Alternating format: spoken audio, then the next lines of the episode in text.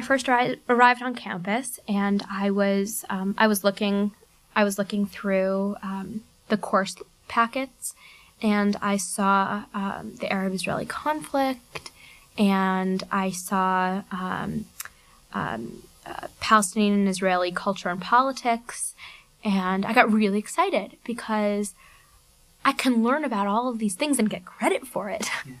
and um, and so I was looking through all of these different um, courses, and a friend of mine said, you know, that's probably not a good idea.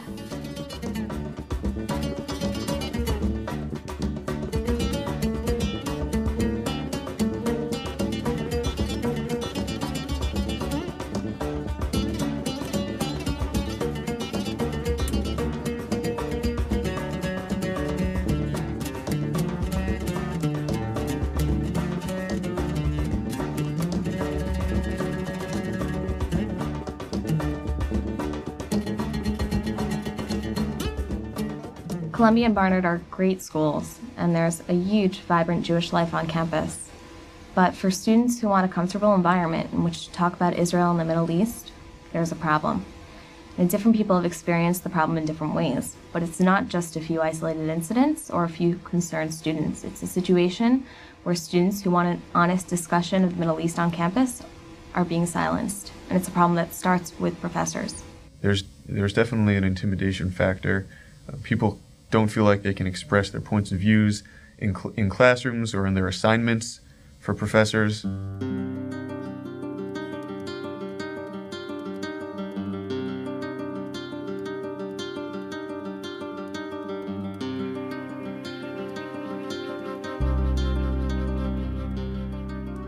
I didn't realize also at the time how many how many incidents actually were happening on campus at the same time. So I thought, oh my God, I had this terrible isolated incident. It must be me.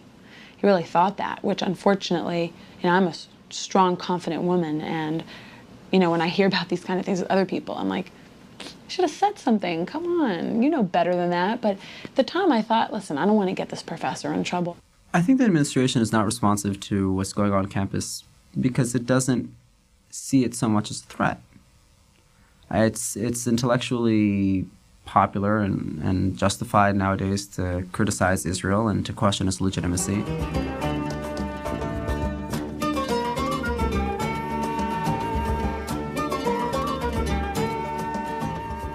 in the time that I spent at MEALAC, I had some really amazing professors who I think really did their best to foster open dialogue, including George El-Haj, uh, Taoufik Ben Amor, who we read a very sensitive book, and I think he really handled it really well.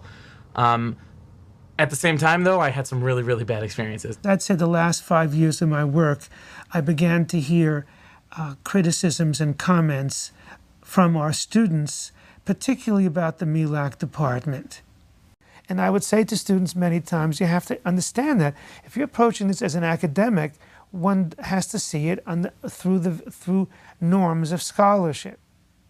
What was different about the few people we've been speaking about here is that their objectivity was questioned because of their activism and their advocacy, and also some of the the the exchanges with students which are being documented in this in this in this film, which meant that some of the faculty really were were, were intimidating when they got questions which they felt represented a non pro Arab, pro Palestinian point of view.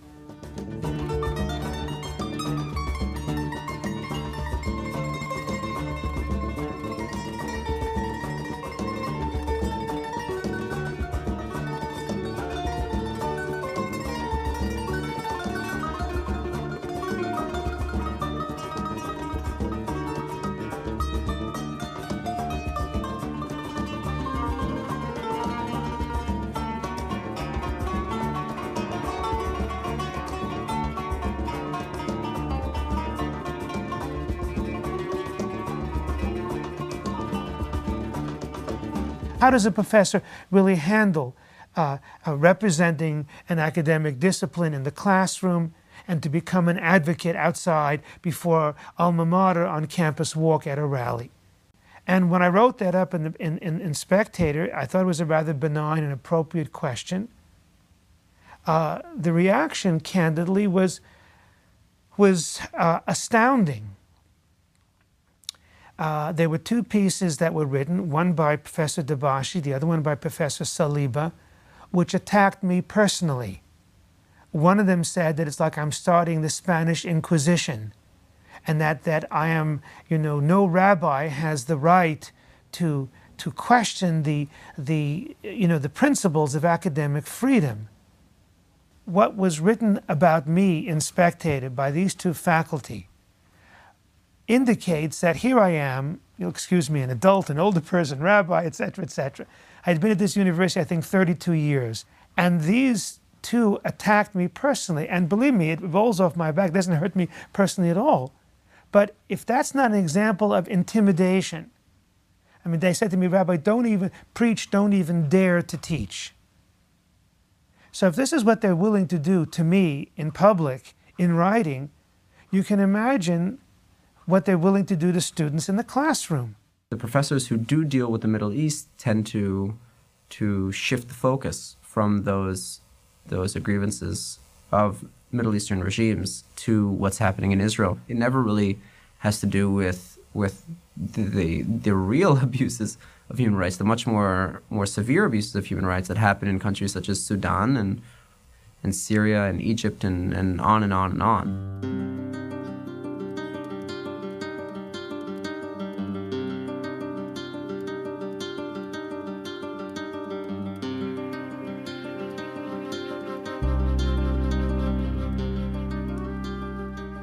I took Professor Saliba's Intro to Islamic Civilization. At the end of the semester, I guess the icing on the cake was that we saw a video about contemporary politics in the Middle East.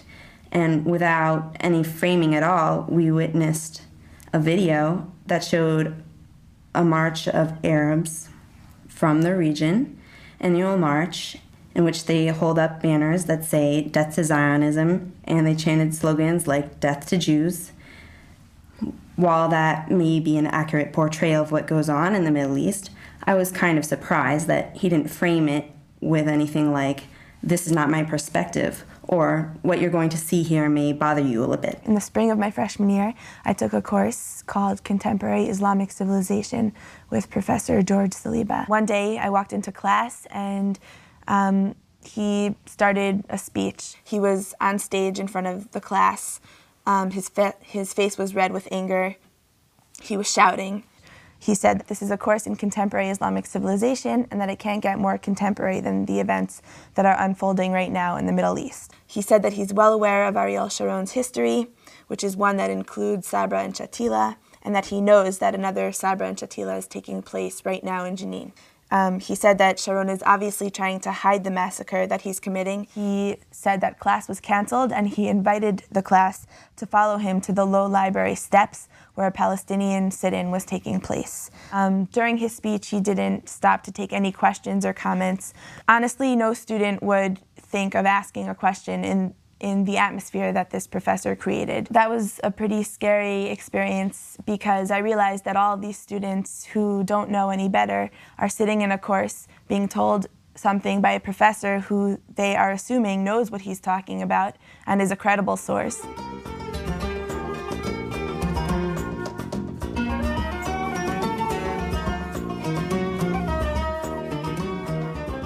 Uh, I took a class with uh, George Saliba, The Introduction to Islamic Civilization. Towards the end of the semester, Professor Saliba showed what I felt was an anti-Israel film, showing the contemporary conflict between Palestinians and Israelis which, with a very one-sided view.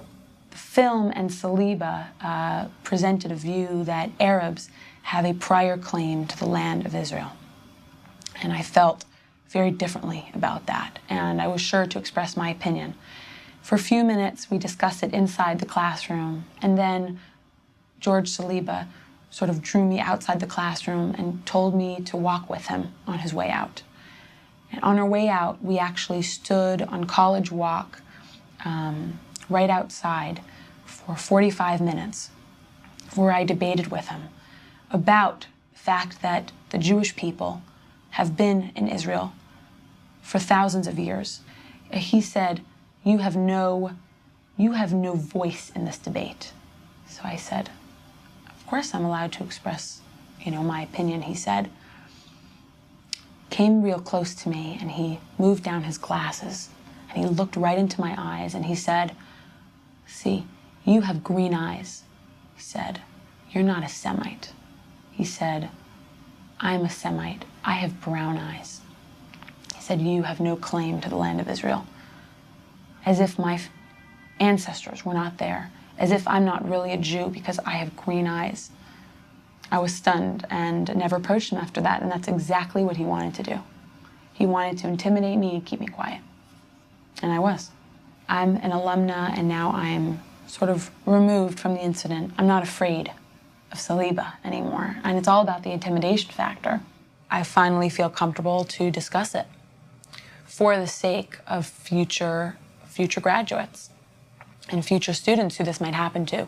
Let them know, A, they're not alone, and this happened to me, and that they have to speak up. I did go to Professor Saliba after I had completed the course. My basic first question was something like, Professor, why is it that we've been in the class a whole year and we've been talking about the Middle East, and every time Israel comes up, it's been referred to as Palestine, which is not really a politically accurate term. And I'm not even sure if I finished my sentence completely until, you know, by the time he had already started with, oh, so that's the axe that you have to grind. Why is Israel being called Palestine in my class?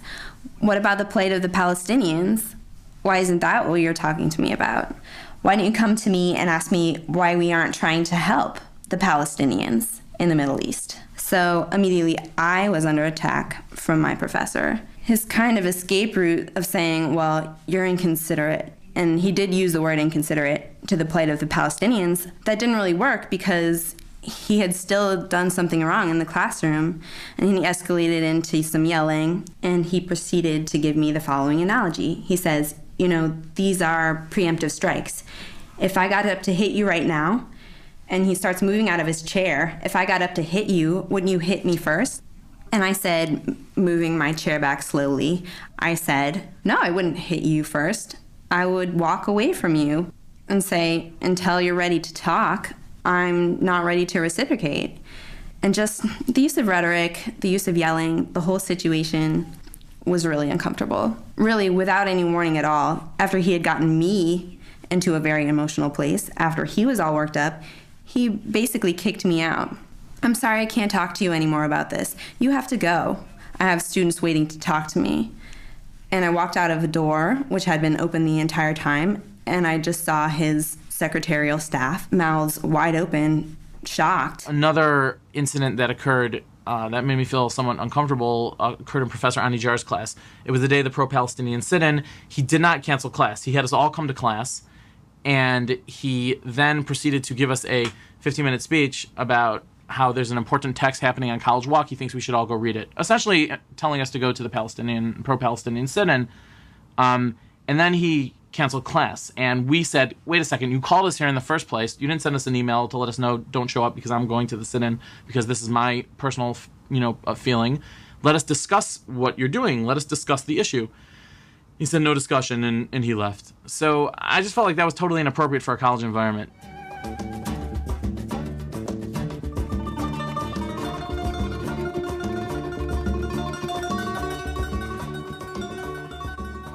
I took a class called Palestinian Israeli Politics and Societies, um, taught by Professor Joseph Massad.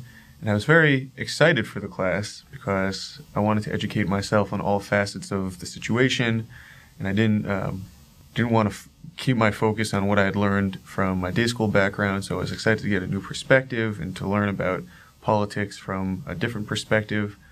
Um, I quickly came to realize from the very first day of class that uh, this was going to be a very biased class, um, only showing uh, a strongly anti-Israel perspective. Um, I renamed the class to myself uh, "Why Israel is Racist," and he was teaching the class, teaching the class about the Jenin incidents, and um, a girl raised her hand and tried to bring up an alternative point of view, and um, before he could she could get her point across, he quickly demanded and shouted at her, I will not have anyone sit through this class and deny Israeli atrocities. Um, which pretty much limited the student's ability even to question him or to bring up an alternative point of view.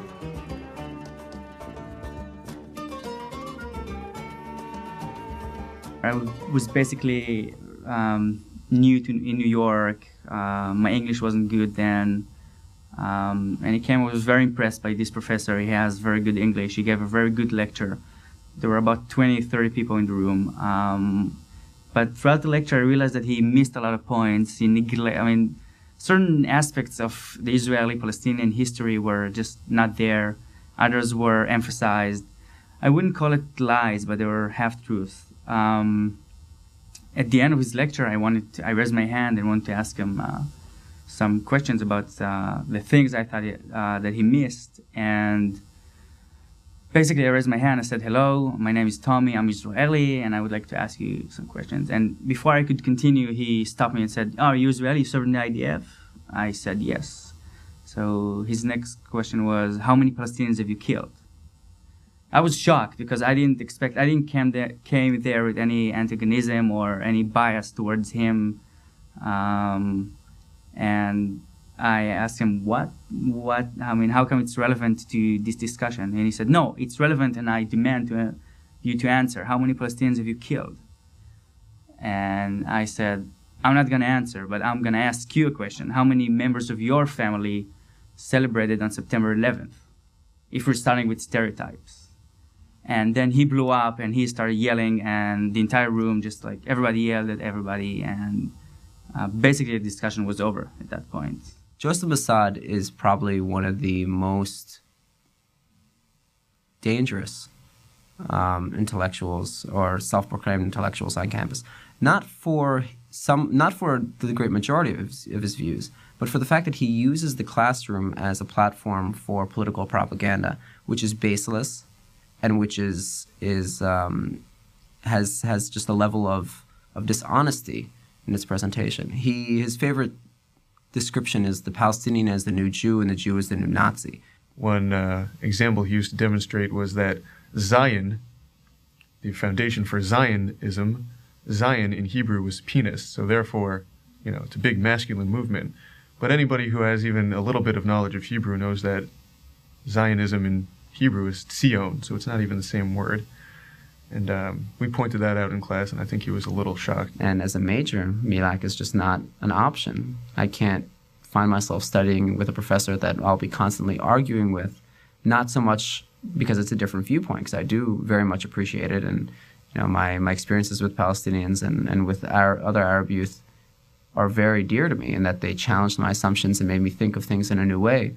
But just the rampant kind of hate that's being propagated. Columbia produces phenomenal leaders in the United States. It's a world class institution. If the exposure to the Middle East that they're getting here is not, an, is not a balanced one, then it's not the Columbia education. It's the role that Columbia should be playing. And if faculty will understand that and say, we care about Columbia. So I, I spoke out not because I'm the Rabbi Hillel director, that was, of course, sufficient motivation, but because I also care about Columbia. And it pained me when a student would come to me and say, Well, can I take this course in MEALAC? And I would have to kind of squirm in my chair and say, Well, you know, listen, you have to keep your blinders on, but it's, et cetera, et cetera.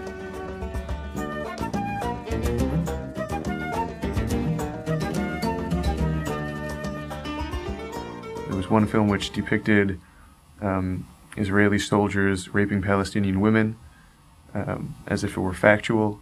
Uh, and the worst part about the whole festival was that there really wasn't any room to discuss what was being presented um, and to bring in differing points of views. In order to understand that, it's perfectly appropriate to show these films and to step back and to analyze them. What upset many of us was the way in which the analysis was presented or how or that it seemed to be a celebration of advocacy on behalf of without the critical type of perspective that should take place at uh, an institution like Columbia.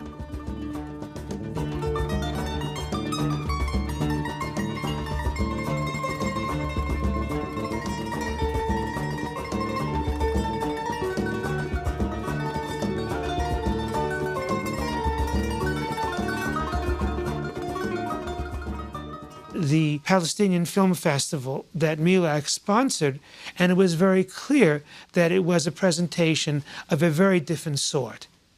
And it's what has been called advocacy advocation, and, uh, and which is a term which was uh, presented in a Spectator article by uh, uh, Professor Richard Bulliet, who had been the director of the Middle East Institute.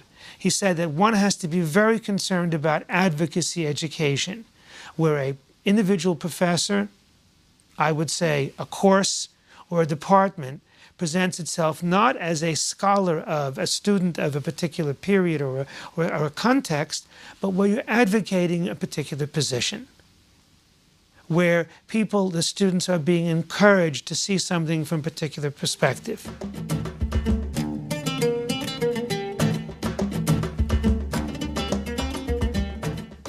I remember what would happen when students would come to me and, and report these incidences, and what could I really say to them other than, well, first of all, you have to go back to the professor. Maybe you misheard them. Talk it through. And then if that's not the case, you, they actually said that, the next thing I would say to them is, well, you have to talk to the chair of your department. And if that gave you no recourse, you'd have to go to talk to the dean. Honestly, I know what happened after I gave them my carefully, softly, gently, you know, uh, couched advice. None of the students ever would do that. You know, it takes an awful lot of ego strength for a 17, 18, 19, 20 year old student to go back to a professor and to challenge them. I was very disappointed and disappointed in myself too, not able to, to get more people to speak out on these issues. Summer, I researched how to file a formal complaint within the university system. And so, what I did was I spoke to the provost's office and the ombuds office and the dean of students office, and they all directed me to one another. And really, I asked them if there was a sheet I could fill out or questions I could answer. They said no, and they said the only way that I could really file a formal complaint was to speak to the department chair, which is totally ineffective considering the fact that the department chair is not an independent body and could be the person that you're complaining about it's clear that the university is saying that there's been no formal grievance ever filed, but it's pretty obvious why it's never been filed, considering the fact that it's so inaccessible and really not user friendly at all. So, how is someone really supposed to successfully and effectively file a complaint? And so I went to Dean Yatrakis thinking that I don't know what I thought I would hear. I'd assume a sympathetic ear. But I really went to her thinking that the way you get things done is by going to an administrator. When I said to her, Dean Yatrakis, I think that what I experienced here was politics inside of the classroom. She said, Well, aren't you from a very Jewish background? Is it possible that you're mistaking someone else's views for discrimination against your own? And I said, Well, anything's possible, but I don't think that's what's going on. And it just seemed to me that she had already made up her mind that what was going on was a case of, you know, a small town girl in a big town college, and I felt patronized. I brought with me to my meeting with Dean Yatrakis um, just a brief sketch of what had occurred in the classroom with Professor Saliba. She pushed the issue away from that and instead made me feel as though it were my own fault that I felt intimidated in the classroom. When I left the dean's office, I was crying I felt that like my words had been so manipulated, had been so moved away from what I had really wanted to discuss. And I felt that if I can't speak to the Dean of Academic Affairs about this, there really is no one else that I can go to.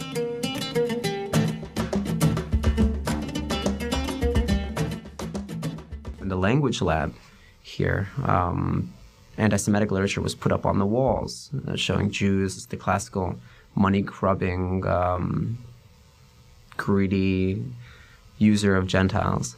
One incident that disturbed me and made me feel personally uncomfortable practically for, for the rest of the semester uh, occurred in my one of my early Arabic classes uh, where I had asked the professor. The professor used the word mana'a, which means uh, to prevent in Arabic, and it's similar to the Hebrew word limnoa. So I was really interested as an early Arabic student. Explain that to me. I asked him how to use the verb, and he wrote on the board Israel prevents ambulances from going into refugee camps.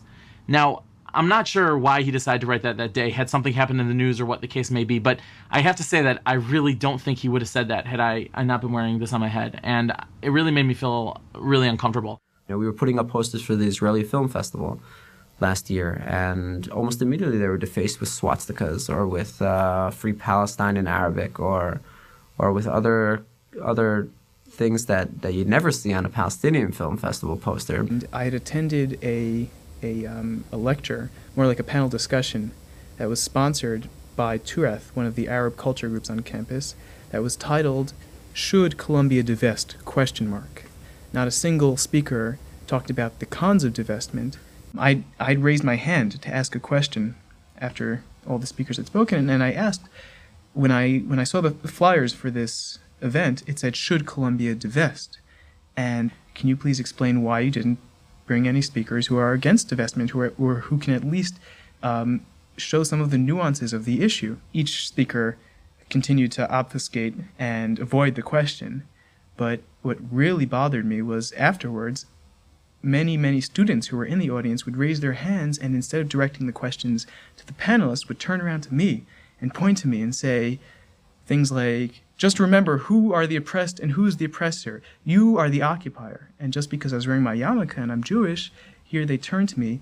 And, and this is what these monolithic panel discussions do is they foster this, this incitement where you really get this, this, this boulder that's just rolling of, of, of really hate-filled ideas and students then turn on fellow students uh, just because of their religion. And here I am, I'm sitting here, just you know, defenseless, and all these people are starting to really heat up the room.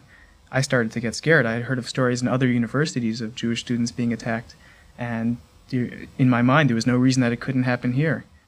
And one of the socialist um, girl came to us, started yelling at us that we have no right standing there, being there and I, I basically told her, listen, this is America, right? We're not in Iraq or in any uh, other country, and we're allowed to be here if you want to. We're allowed to listen.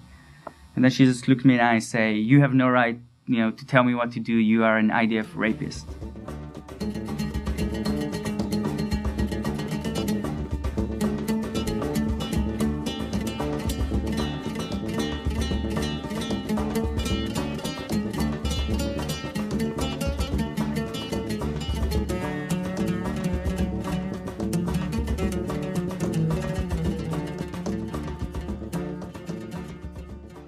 Hard to get a good, solid support from uh, the uh, Jewish or pro-Israel professors, especially at Columbia. And when you have professors on all on one side ex- uh, exercising their right of freedom of speech, and no professors on the other side exercising their right of freedom of speech, again, it creates an environment in which only one point of view is put forth uh, whether faculty are frightened because to speak out because it might affect their careers. I have heard this. I know about it in a few instances. My sense is is that uh, it is is that is that that's unacceptable today. Um, it's unacceptable because there's so many communities in univer- at universities where people do speak up using your brains and working in academia likewise is a service which should be non discriminatory. And indeed, universities are the more progressive places. So Jews began to gravitate because of our tradition of scholarship and because they were open venues for Jewish employment. And only if you're only if you're an oppressed minority are you willing to speak up and to bring your identity with you onto the campus.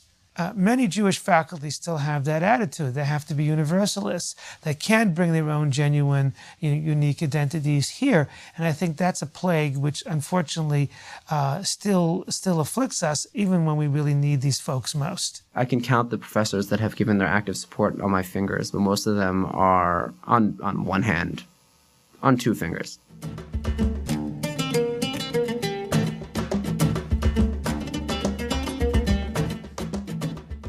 I think that Columbia administration should probably do something uh, when professors, I guess, cross the line and, and accuse students like, like me of killing Arabs or other examples that I've heard. And I feel that the administration has a responsibility to ensure that professors treat their students with, with a certain amount of respect and an appropriate sensitivity. harassing students because they express pro-Israel views or are identifiably Israeli should be treated no differently than harassing students because they're black or because they're gay. The administration should insist the Middle East Studies Department put an end to a politicized agenda and that it look critically at all the countries in the Middle East.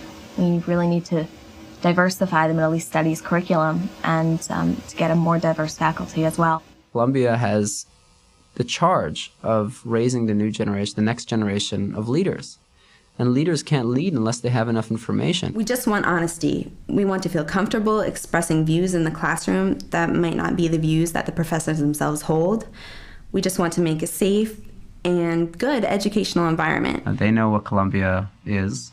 They know what Columbia can be, and and if they don't if they don't help, unfortunately, nothing's going to get done. Columbia University President Lee Bollinger said the student accounts in the David Project film Columbia Unbecoming are troubling, and we take them very seriously. Columbia University does not condone the intimidation of students or discrimination of any kind and they want any student who feels that they've been discriminated against or intimidated in any way to be able to complain about any professor without fearing for their grades. Columbia's president, calling it a serious matter, has appointed the university provost to investigate the allegations. The provost is evaluating the film and will compose the university's response.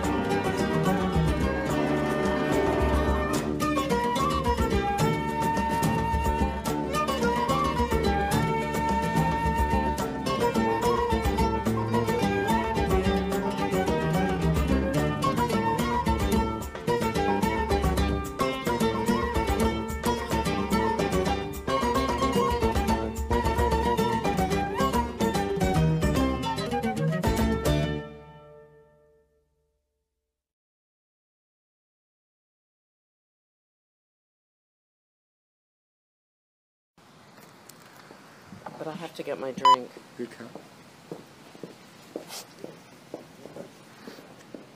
Gosh, I'm amazed. I'm just trying to make sure we get we don't we don't I've lose never it. done an interview like no, this. No, I mean, well, nor have I. I mean, I've never done any interviews at all. So, so actually, I'd like it to be more of a conversation. Well, that's what I was Would that be okay? So that in fact we could, you, you're perfectly welcome to do it in oratio obliqua from the dinner table Well, as well. um, well, see how it We'll goes. see how it goes. Think of Um, it as a profile interview, kind of. Yes. An, even, as an evening with. Um, just as you like. Um, I don't want to feel too much. One, the, one thing they wanted me to ask Yes, um, is, is whether you have any memories of life at the New Statesman yourself that you want to. um, not that I want to impart. No, okay, that's fine. It seems like a, a different world, a different magazine, and as if it happened to a different person in some ways. But I, I mean, I'd love them to interview me one day about it if they Yes. Okay. for an edition about the role of the statesman. But I'd really rather you and I focused on the Fine. pulse of the issue, which is obviously our common cause. Okay, like that, okay, yeah. that's that that that suits But me. tell fine. them it's for goodwill. I'd happily Um, reminisce one day. Okay. And me- yes, I've got let- a lot. I was, it was a big deal in my life working for that magazine. Yes. Um, they do want me to talk politics to you, but I, I, no, I'm, as not that I'm not that um, knowledgeable about politics.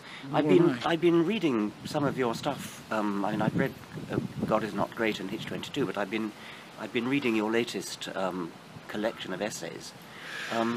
I must say, I'm just astounded, if I may say so, at your sheer erudition and. Ah. I mean, you seem to have read absolutely everything. I can't think of anybody since Aldous Huxley who's who's Oh goodness. so well read. Well, it's, I tell you, it must come at the cost. It is maybe strikes some people as being broad, perhaps, but I think it's a bit perhaps at the cost of being a bit shallow. I mean, I became a journalist in a way because one didn't have to specialise, and um, I remember once going to a, an evening with Umberto Eco Yes, talking to Susan Sontag, yes, and in that evening the definition of the word polymath came up. yes. And Umberto Eco said it was his ambition to be a polymath. And Susan, I think, challenged him. I think this is the way it went. And he said, because a polymath is someone who's interested in everything and in nothing else. That's very good. And so I was encouraged by my sort of training in that way Yes. to read widely, to flit and sip, rather, as Bertie puts it. And I think I've got a good memory for retention. I retain what's interesting to me. Yeah. But I don't have a lot of strategic depth in a lot of subjects or anything like that. I mean, uh, for example, I, But I think I've got maybe an eye for what the appropriate allusion or which you can which you can be. pull up yes. with remarkable speed when you're in debate. But you do realise if you say a thing like that to me, it gives me very little to react to. I can't very well say, Yeah, I, I know. I do. I do thanks awfully. Um. I do un- understand that. Um, but I, a lot of reviewers have said it, and to the point of embarrassing me by saying that I'm in the class of you know, Edmund Wilson or H.L. Mencken. It only does, or even George Orwell, it really does remind me of the fact that I'm not. And, but that it's something to at least have had, I suppose, the comparison made. I mean, it's better than I expected when I no, well, it, it When I struck me with overwhelming force. Um, a- as an Orwell scholar, you must have a very particular view of North Korea, Stalin, Soviet Union. Yes. Um, that kind of thing. Yes. And you must get particularly irritated, perhaps even more than I am, by the, the constant thing that we get. Stalin was an atheist. Oh, of Um, course. Um, yes, which we don't absolutely know for sure that he was. we don't even know that for sure that he was, and Hitler would- almost certainly wasn't. Hitler was definitely not. Yes. It's possible that um, Himmler was. It's very unlikely. Um, But it wouldn't make any difference either way. No, well, There's no mandate in Yes. atheism for any particular politics Absolutely, anyway. absolutely. And in any case, the people who actually did Hitler's dirty work were almost all uh, religious. Well, I'm afraid that the SS um, relationship with the Catholic Church is something the Church still has to deal with and, you know, does not deny. I mean, there's Could a you lot of- talk a bit but about more that? about about the Nazi period, yes. Yes, but, um, uh, about the relationship with the Catholic Church. Well, look, and to- well, the way I put it is this: if you're writing about the history of the 30s and the rise of totalitarianism, you can take out the word fascist if you want for Italy, um, Portugal, Spain, um, Slovakia, Austria, you just put in extreme right Catholic Party, you don't have a say. Yes. It's almost a corollary. Yes. And it was almost all of those regimes were in place with the help of the Vatican and with understandings with the Holy See. That's not denied. Yes. These understandings actually persisted quite often after the Second World War was over, Yeah. and indeed extended to comparable regimes in Argentina and elsewhere after Yes. the war. Yes. So there's no- Notwithstanding individual priests who did who did good things. Not very but- many. But, but, but, but the Vatican as a whole. You, you would know their names if there had been more of them. They would have been discovered They'd and promoted. discovered. Ah, yes. When it comes to National Socialism, there's no question there's a mutation, big one. The Nazis wanted their own form of worship. Just as they thought they were a super race, they wanted their own religion. Hitler was, of course, the votary of it, but they, they dug out the Norse gods, all kinds of extraordinary myths and legends from the old sagas and from the mythical history of Tacitus and things like that. And they wanted to control the churches. They were willing to make a deal with them. I mean, the first deal Hitler made was with the Catholic Church was the Concordat. Now, you know this. I mean, Yeah. Well, I, I in exchange for control over things like the Catholics having a political party, which they agreed to dissolve, he got control over German education. It was a pretty good deal for him. The, Um, the, the, celebrations of his birthday were enacted by order from the pulpit. When, I'm Sir How are you? oh, hey, Leandro, how are you? Nice to see you. I'm sorry I'm in the middle of something. Okay, so But just it's say hi. fantastic to see you. Thank you.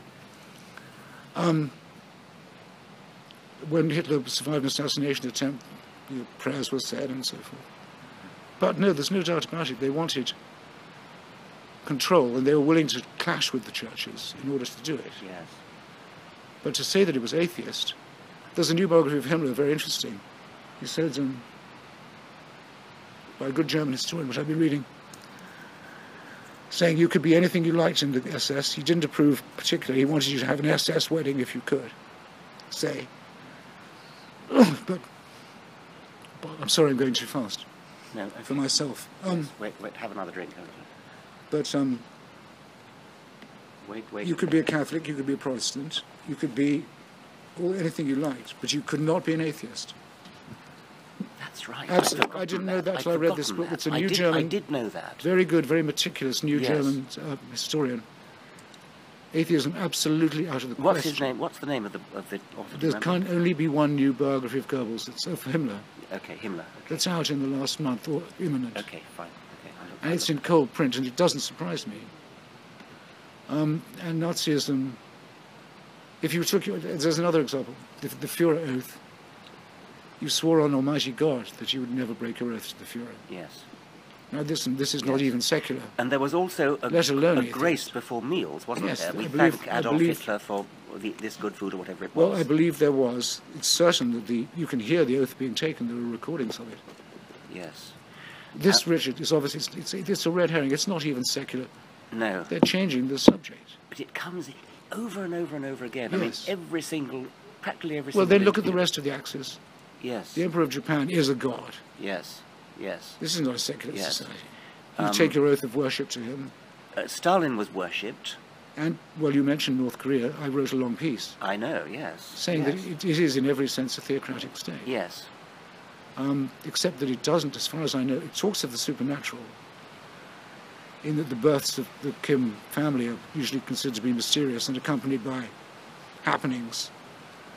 And the I don't great leader talks is still is still is still with us. still with us. But it doesn't dead, yes. specifically, and I've rechristened it. I said it's a necrocracy, Yes, that's very or a good. mausolocracy, or a thanatocracy. Yes. It doesn't specifically say the afterlife, it must be said. But there's no possible way you could say it was a secular, let alone an atheist. Um, No. but attempts to found new religions should attract our scorn just as much as the alliances with the old ones do. Exactly. So what are the odds Yes. to us and now? Nothing. I mean, Exactly, of course we don't want another religion. Yes. And in any case, All they're saying is you can't say that Hitler was distinctively or specifically Christian. Maybe if it had gone on much longer, he would have de-Christianized a bit more.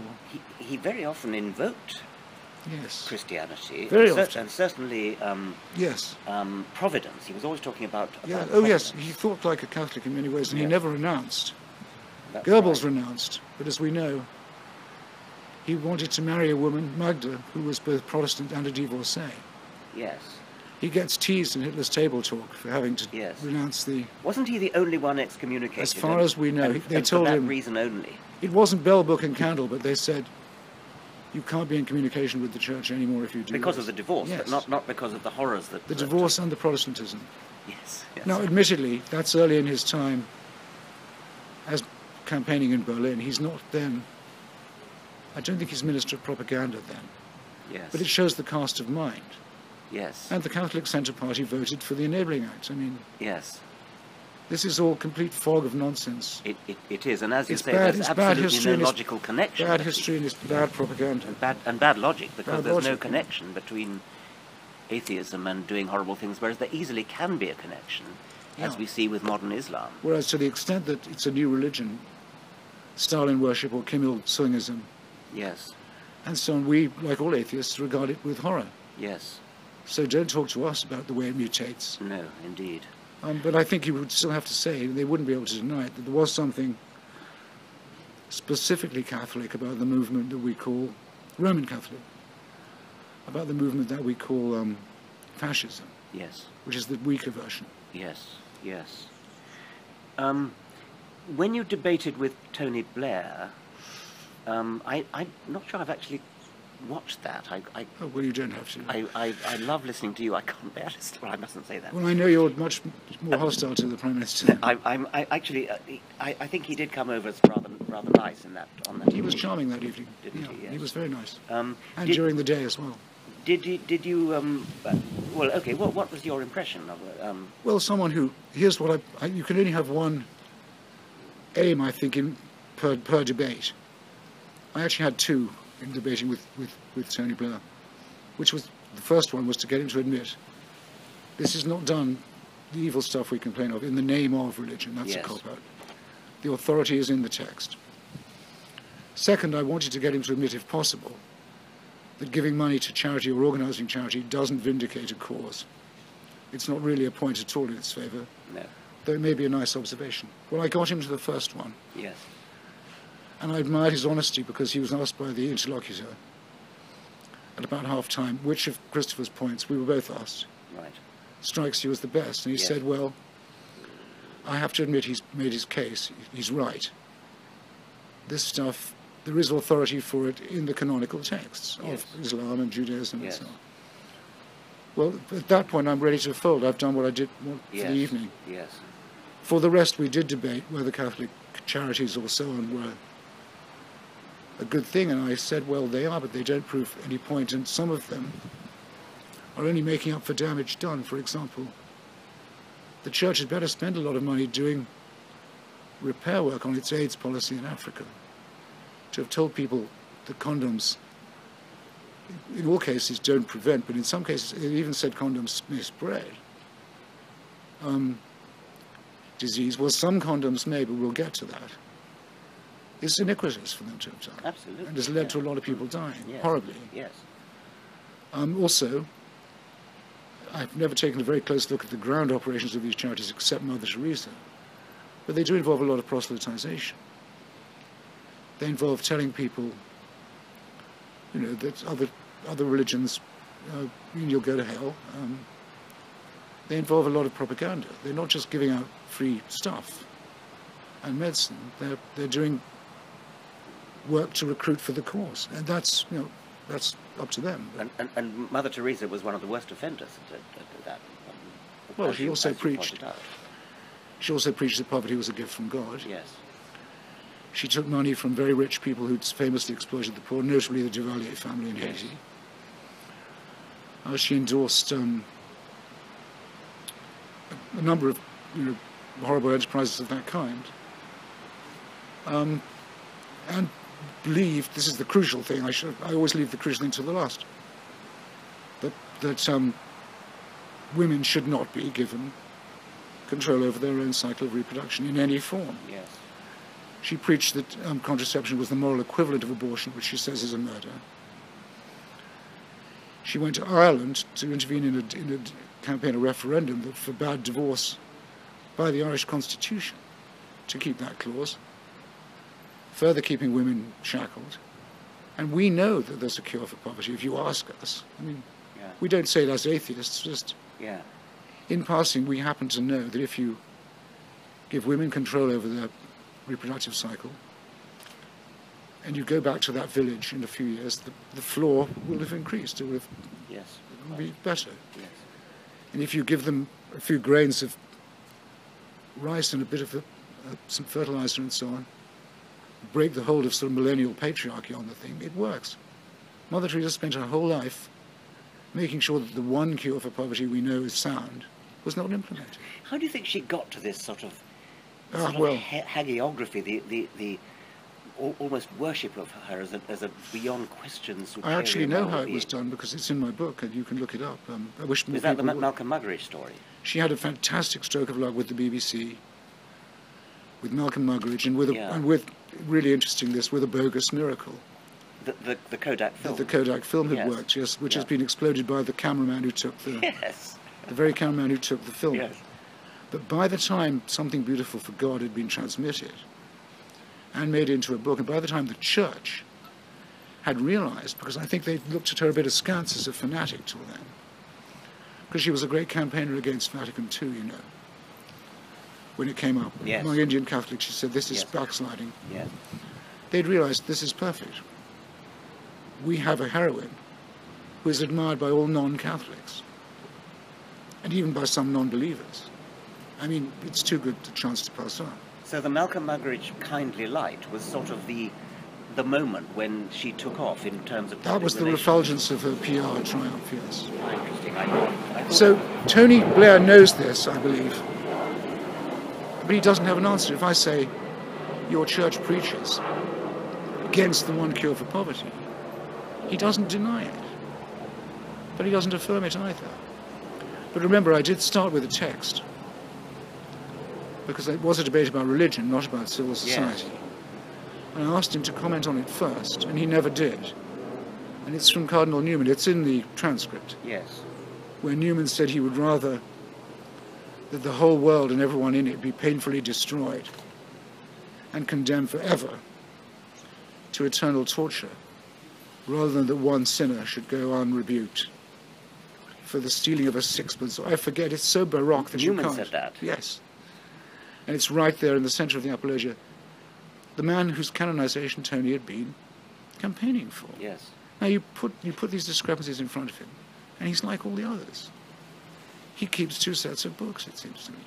Yes. And this is also, even in an honest person, shady. It's two. It's like two minds, really, isn't it? I mean, Mm. one notices this with some scientists. Who, Well, you have to have it. It's like your it's like your young Earth geologist. That's right. Um, um, how do you think they do that? That's beyond my comprehension. Well, Other I think we all do it a bit. do we. But I think we're all in we're all great self-persuaders. Yes. It's one of our adaptability. But do we hold means, perhaps. contradictions in our heads at the same We time? We like to think that our colleagues would point them out. Yes. In our group, anyway, I think. Yes. Well, I mean, I take don't on- believe anything that is completely. I mean, no one's pointed out to me in reviewing, say, my God book. Yes. God is not great. They've never said there's a flat discrepancy between the affirmation he makes on page X and the affirmation he makes. No, on... They've not done that. No. I think I have enough enough enemies, people who wish But me they, ill. but they do accuse you of, um, in, a, as a contrarian, which you've called yourself. Well, no, I haven't. I've disowned it. You've but I mean, disowned it. I was asked to address the idea of it. And I began by saying it's got grave shortcomings as an idea, but I am a bit saddled with it, I suppose. You're a bit saddled with it. I mean, I, I've always been very suspicious of the left-right dimension in Yes. politics. Um, Yes, well, it's broken down with me. psy- psychologists, you know, classify personality. They need dozens of dimensions. I mean, Of one, course. one won't do. Um, it won't do but actually, me. it's astonishing how how much um, traction the left-right continuum. You, if if you know what somebody thinks about the death penalty or Generally, abortion, yes, you yes. generally know what they think about everything else. it's but breaking you- down, but You yes, you clearly break break break that that rule, and Well, I think I have one consistency, and it bears on our conversation, which is there are honourable enemies of the of the totalitarian yes, on left and on right, Yes. and I've I've attacked, as it were. I I have The totalitarian to me is the enemy, the one that's absolute, Yes. that wants control over the inside of your head. Yes. Not just your actions and your taxes and so forth. Y- y- y- Yes, and and you. And the origins of that are theocratic, obviously. Yes. The beginning Um, of that is the idea that there's a supreme leader, or infallible pope, or chief rabbi, or whatever it may be, who can speak for ventriloquize the divine and tell us what to do. And that has secular forms with gurus and um, dictators, of course, but it's essentially the same. And there have been some thinkers, Orwell's preeminent, was then on the left, many on the right, who've understood the idea of there is, unfortunately, innate in humans a slight tendency, strong tendency, sometimes, to worship, Yes. to become abject. Yes. So we're not just fighting, I think, the dictators themselves and the people who would like ownership and control, have an absolute power, divine right of kings, say.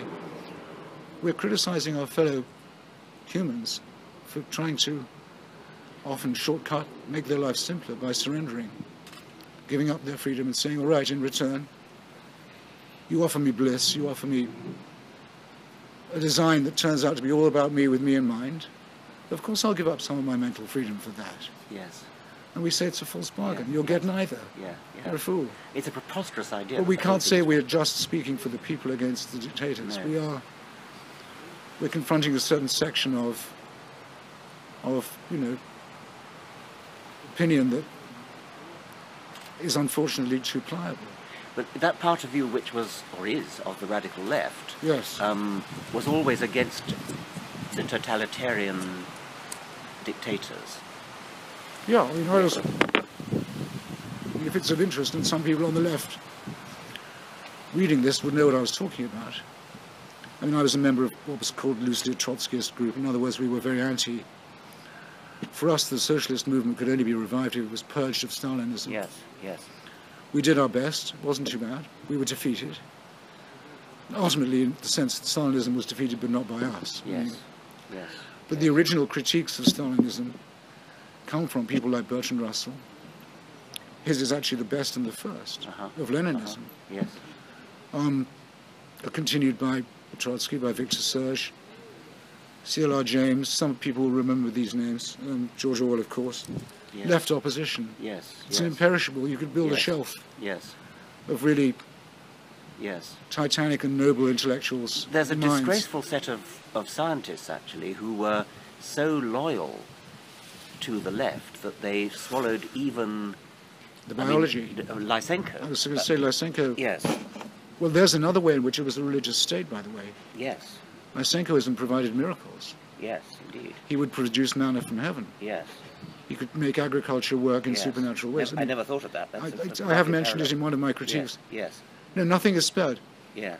Um, uh, Inquisition trials, borrowed straight from, completely borrowed whole cloth, Inquisition trials, worship of the infallible dear leader, fear of the devil without, Yes. permanent Yes. enemy, Yes. Manichaeism, There's an utterly chilling and, book and, and Lysenkoism for miracles. Yes, there's a there's a book. Don't called forget the, to put that in because it's- yes. I will do the situation in biological science today.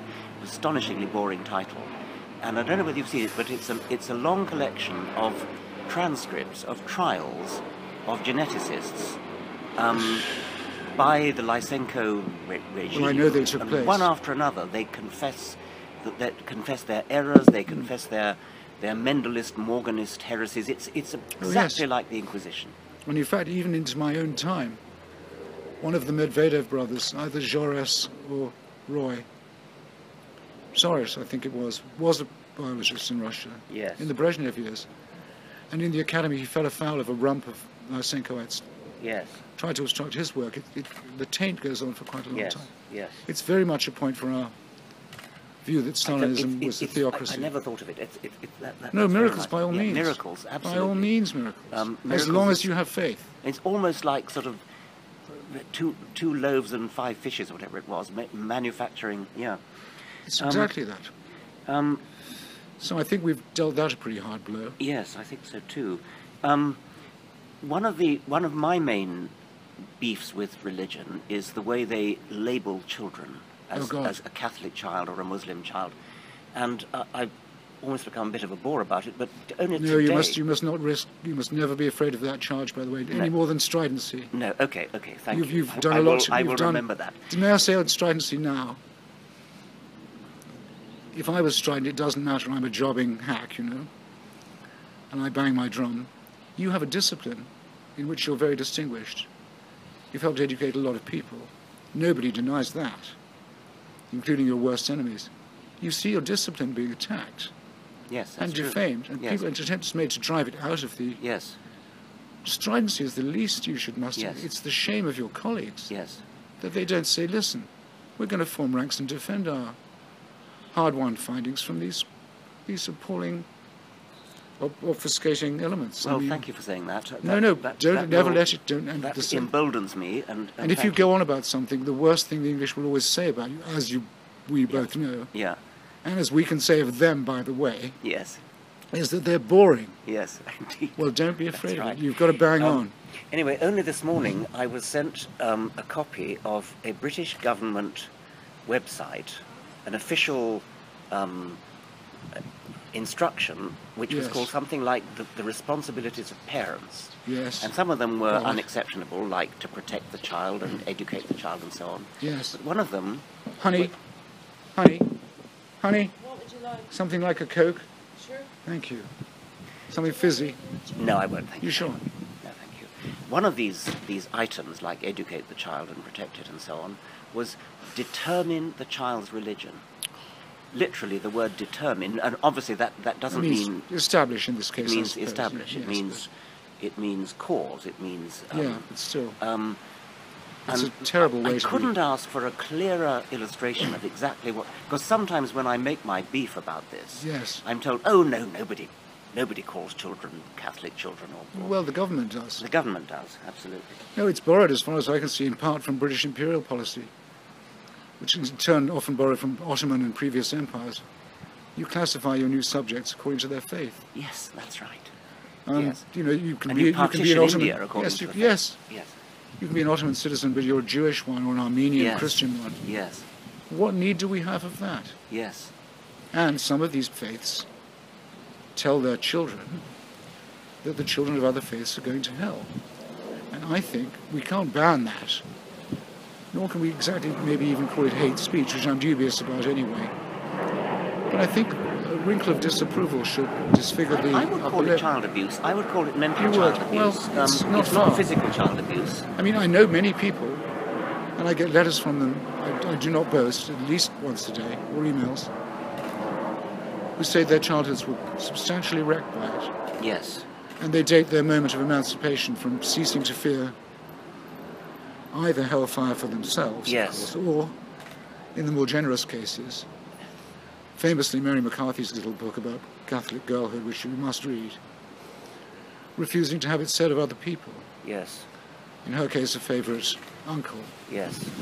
Because he was a Protestant, he was condemned forever. Yes. Which they told her when she was little. Yes. He was. Yes. Yes.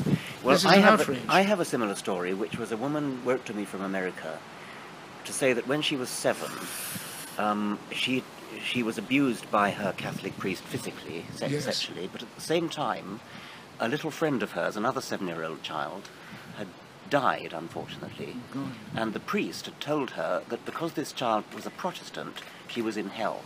Well, And this woman said that of those two abuses, yes. the physical sexual abuse was less traumatic Well, good for her. than the uh, because that she Good for her. over I, that. I wish it got half the attention. Yes, yeah, Um, yes, there's something wicked about that. I mean, of course, I mean, there is, I can't find a way as a libertarian of saying that people can't raise their children,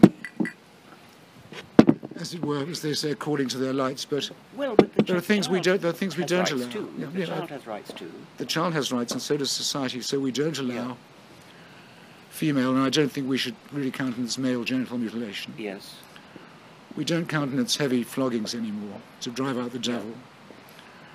Jehovah's Witnesses and others who won't do blood transfusions or whatever it might be, Christian scientists have been prosecuted. yes. So we admit there are limits to We the admit there are limits. Yes, Now, it would be very hard to say that you can't tell your child that they're lucky and they've joined the one true faith. I mean, I don't see how you stop it. I only think that the rest of society should look at that with a bit of disapproval, which it doesn't at the moment. It's more inclined to say, It's the right of a parent. and it's also the preservation of a culture or whatever it might Yes, be. yes. I think we're entitled to say, well, I'm not so sure. I mean, if you want to join a group like the Moonies, you can, but you have to expect that a lot of people will not take you very seriously. Yeah. Same if you're probably the same if you're a Mormon. If you really do run for office and say, which Romney hasn't directly been asked yet, but do you believe in the golden plates that were dug up by Joseph Smith? Sorry, you're going to get mocked. You're going to get laughed at if you That's right. yes. I mean, there is a tendency among liberals to feel that religion should be off the table.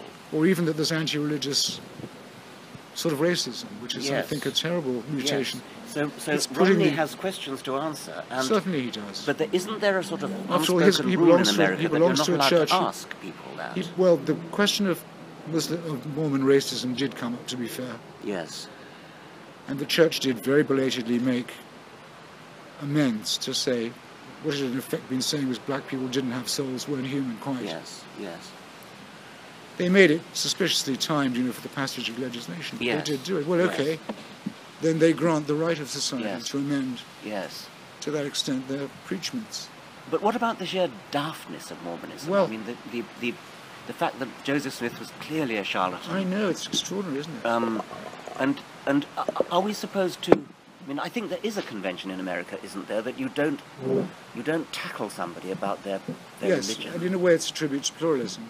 Yes. And so to that extent one wants to respect it, but I think it can be exploited. I mean, many people, including splinter group Mormons who still do things like plural marriage and very repulsively compulsory dowry marriage, they basically give away their Yes. Their often, daughters as property. To, often to blood relatives. Yeah, yeah. And also to kinship marriages that are too close to call, or, or close enough to call cousinhood marriages in Britain among Yes. Um, um, some people yes. that this actually won't quite do. Um, but when it when it is brought up, they tend to take refuge in. You're attacking my fundamental right. I don't think they should really be allowed that. And that's private and mustn't be intruded upon. I think they've Um, definitely crossed I, I, the civic if, line if, if I could tell you an anecdote which, which rather surprised me because I hadn't come across this bit of American custom, um, I was trying to find an extreme example which nobody could possibly deny of why somebody should be discriminated against because of their religion. And I chose a doctor. I, I made him an eye doctor, but he d- didn't believe in the sex theory of reproduction. He believes in the stork theory that, that babies enough. come.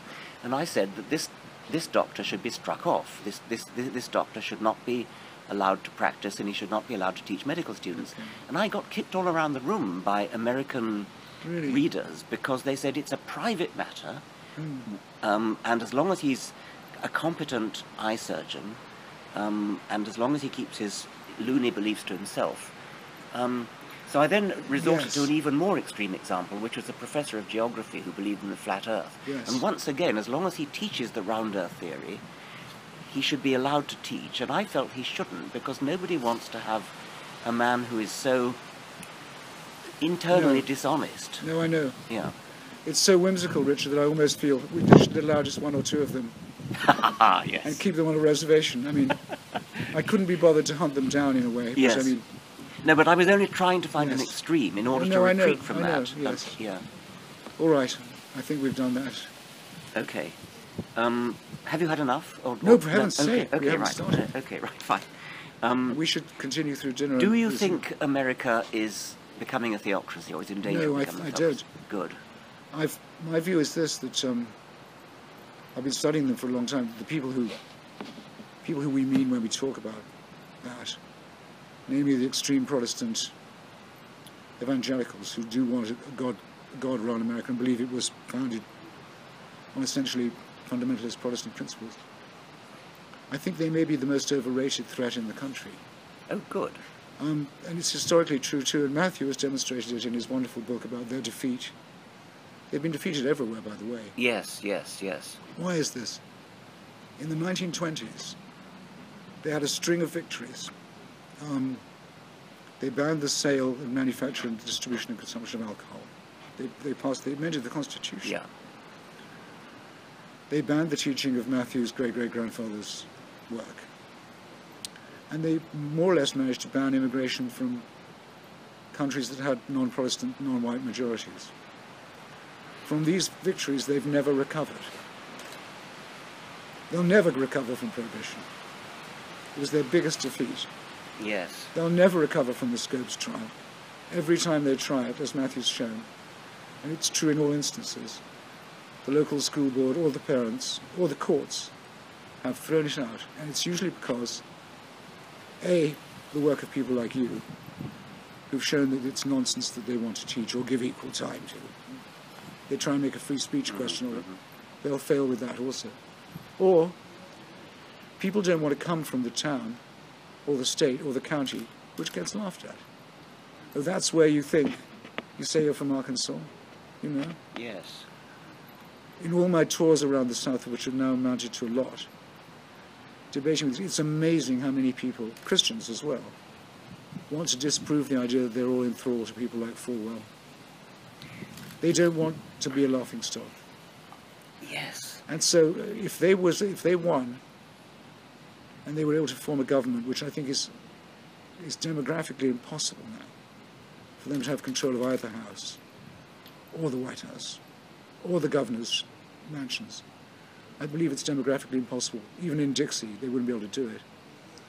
And they passed an ordinance saying there will be prayer in school every morning from now on. One of two things would happen. It would be overthrown in almost no time by all the courts, with barrels of laughter heaped over it. Or people would say very well, we're starting with Hindu prayer on yes. Monday. Yes, yes. Or Catholic. Yes, yes, yes. Or we're going to call in the rabbi Yes. and make it all multicultural. Yes. They, they would regret it so bitterly that there are days when I wish they could have their own way for a short time. Yes. So they make good copy. I'm, I'm a journalist, I know. Any British correspondent in Washington on a slow week just has to get himself down into the Delta. He's got a story about some mad pastor. Yes, yes, yes. It's too easy. Oh, that's very cheering. I, I must say, I I'm a bit more cheered up. worried by the extreme reactionary nature of the papacy now. Yes. But that again doesn't seem to command very big allegiance among the American congregation. No. They're disobedient on contraception, Yes. flagrantly, Yes. on divorce, on gay marriage to an extraordinary degree, I would Yes. have predicted. Yes. And only holding firm on on abortion, which, in my opinion, is actually a very strong moral question and shouldn't be decided lightly. I, I feel very squeamish about. I believe the unborn child is a real concept. In other words, Right. we needn't go there, but I'm I'm not a complete abortion on demand fanatic. I think it requires a bit of reflection. But anyway, even on that, the, the, the Catholic community is very agonized. Yes. And also, you go and debate with them, very few of them can tell you very much about what the catechism really is. It's increasingly a cultural Catholicism. Yes, that, that, that is true, of course. So really the only threat from religious force in America is the same as it is, I'm afraid, in many other countries, from outside. And it's jihadism. Yes. Some of it homegrown, but that is so weak and so self-discrediting that I, again... It's more of a problem in Britain. I'm afraid, and in many other European countries, Yes, where European countries. it's being, but it's here too, it's being allowed, it's, it's alleged root causes are being allowed slightly too friendly an interrogation, I think. Well, Yes. much too.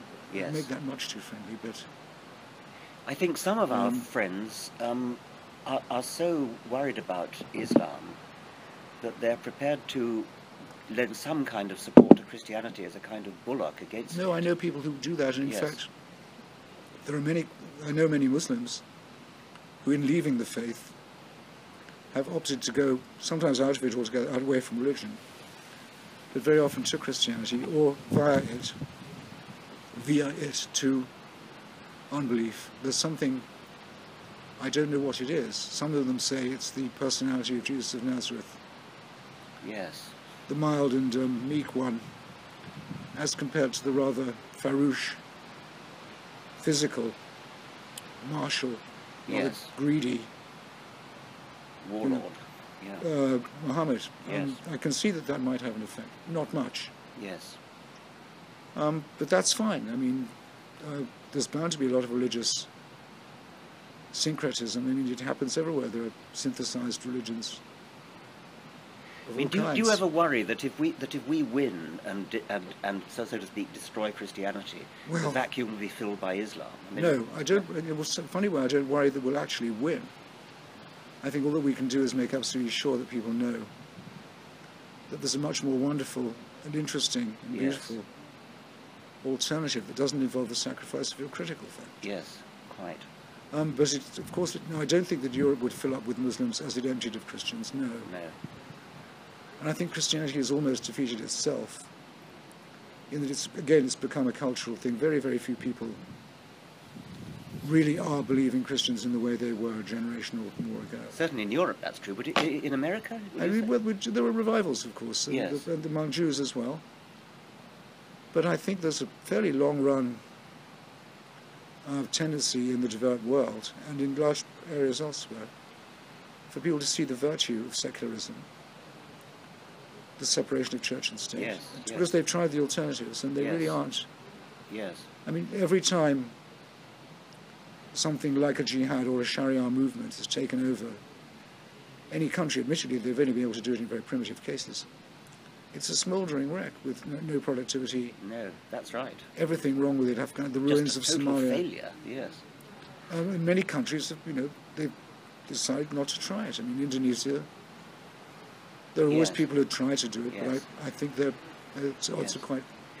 There's some data, if you look at, at religiosity across countries of the world, and indeed across the, the states of, of the United States, you find that, that religiosity tends to correlate with poverty and with various other Yes. indices of social deprivation and so on. Well, that's also in a way what it feeds on. That's what it feeds on.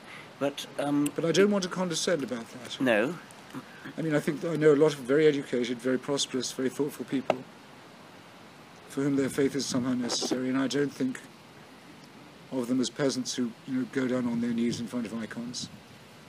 Do though they, they though really they are, though they are, though I do attack them for being willing to believe absurd things. but are, are, are they just kind of spiritual who sort of vaguely think there must be something out Well, there rather, rather than yes, actually believing in... But I think for some of them, it's it's absolutely real. Yes, William Buckley, who I knew quite well, who was Yes. a major a major mind in many ways, yes, and a great person to debate with. If you debated with William Buckley, you'd- had a debate. He was once asked at a dinner table, "Can you make a statement that you think is completely irrefutable, couldn't, that can't be challenged?" And he said, "Yes, I can. I know that my Redeemer liveth." Now, if that's real to Bill, and it's in a very strange way, it's indirectly real to me, just as the people in, in uh, William James's Varieties of Religious Experience, if they think it that strongly, their belief is a material force in my life. They can make it come true. They can say, you know, we want people to forswear um, contraception. They can, we can Yes. pass a law that you know they can. yes. So I only begin to quarrel with them when they want their beliefs to be adopted by others. And they say they don't, but the fact is there is a mandate in all their faiths to spread it. Yes, And they're delinquent if they don't. They're even delinquent if they don't try and save us. yes, they are. Because they can't just sit and watch us No, going to the bone. that's right, yes. Um, and nor should we, of course, abandon them. But um, I think what we can do is say, look, we can, we can offer you anything as long as you won't give up. As long as you won't give up your critical faculties, we cannot make you happy to that extent. No. But we can offer you tremendously interesting, ever-expanding horizons of inquiry. Yes. um, beautiful conjectures that some of them turn out to be factual. Enormous strides in human welfare, from medicine to biology, or medicine via biology. We just can't surrender our doubt and our feeling that this whole extraordinary process may not have us in mind. In fact, almost certainly does not. Do you think um, Jefferson, Madison um, were deists, as is often said, or, or Um, I've, I've, read that you thought that I think they possibly- fluctuate. It's one by one. Yes, With Jefferson, who's the one I can, I'm more happy to pronounce on. yes, publicly he was a deist. By the way, to go to my point about the um, fundamentalists, it's the reason he won the election against Adams is probably he was suspected of being an atheist, or at best a deist, because why? Adams was a known Presbyterian. Right. All the other sects preferred Jefferson to Presbyterian Okay. Yes. Yes. Yes. Okay. It was pointed out to him, and Madison and, and Adams realized. He said, at the polls, all the congregationists, the Baptists, they all voted for you, Thomas. Not for me, because they knew my. They'd rather have someone they suspected of being an atheist adulterer. Yes. Yes. So remember, they've got that big disadvantage Yes. too. Um, and remember what I always say while I'm at it. When Jefferson describes the wall of separation between church and state, it's in a famous letter he wrote as president. It's not in the Constitution. No. Because the, the Baptists of Danbury, Connecticut had written to him saying they felt persecuted in their home state. Yes. And he wrote to assure them. Do you know who he was assuring them about? Why did they want a letter from the president? Why? They were being persecuted by the Congregationalists Yes. of Danbury, Connecticut, Okay. Who had theocratic power in that state at that time. They owned the state. Yes. So it's to defend religious pluralism. Yes.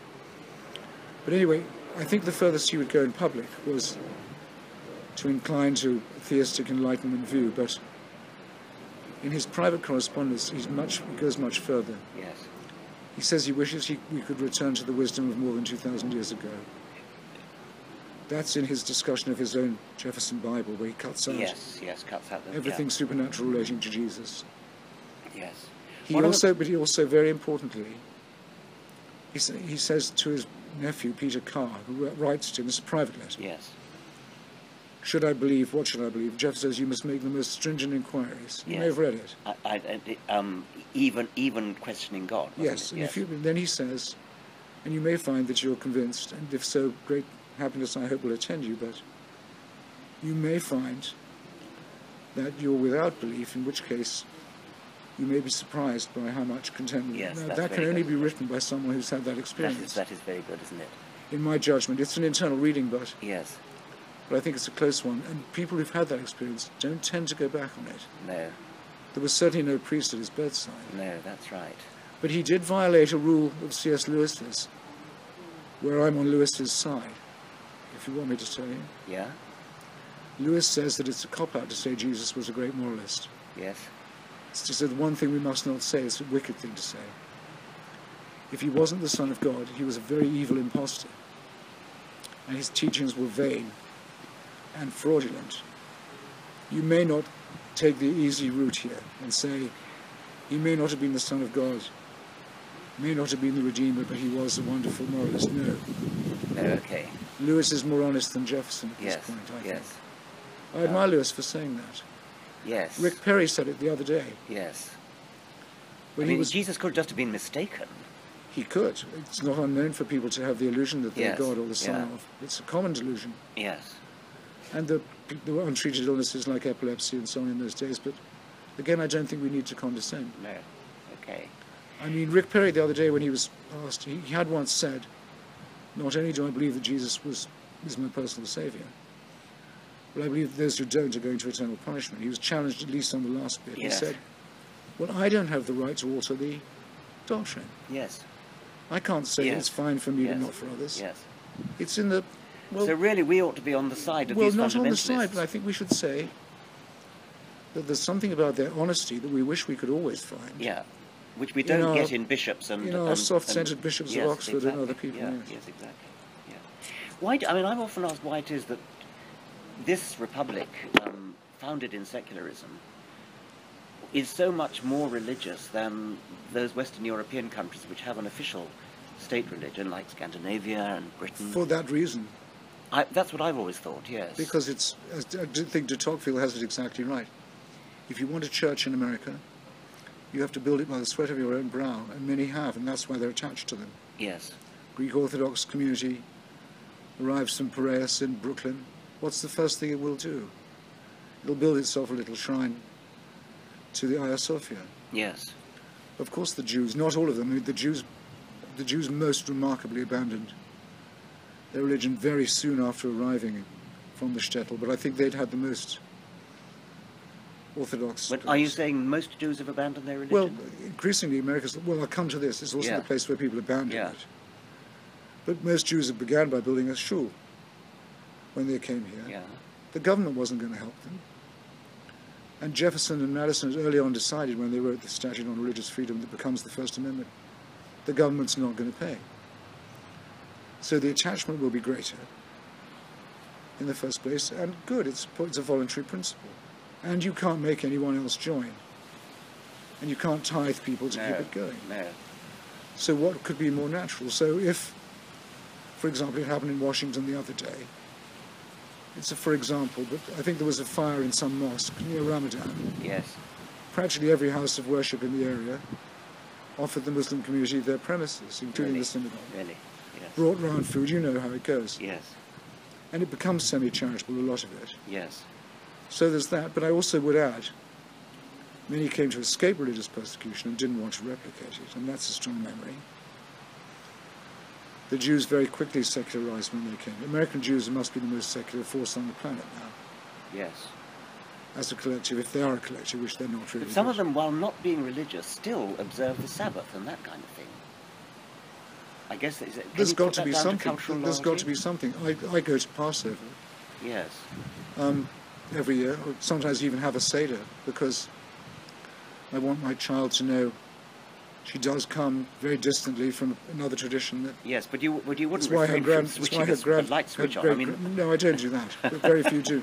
yes, It would explain if she'd met her great grandfather, yes, why he spoke Yiddish and so forth. I mean, it's cultural, but uh, by the way, I think the Passover Seder is also a Socratic forum. The questions are asked by the young. The book is passed from hand yes, to hand. yes, It's dialectical. It's accompanied by wine. Um, it's got the bones of quite a good discussion in it. Why not? It would be hard to give up. And then I think there is manifest destiny. I think people feel America is just so lucky. Between two oceans, filled with minerals and wealth and beauty. It does seem providential to many people. Yes. Yes. And that belief, Promised land, city been built on the hill, and so on. for all that, uh, the, the desire for another Eden, Yes. manifested repeatedly, of course, by the Mormons again. Some quite heroic stories involved in doing it. Yes. Some secular utopians came here, you remember the Robert Owen people, with the same idea, of the New Harmony communes. And, Yes. um, Thomas Paine and others all thought of America as a great new start for the humanities Yes. and the human species.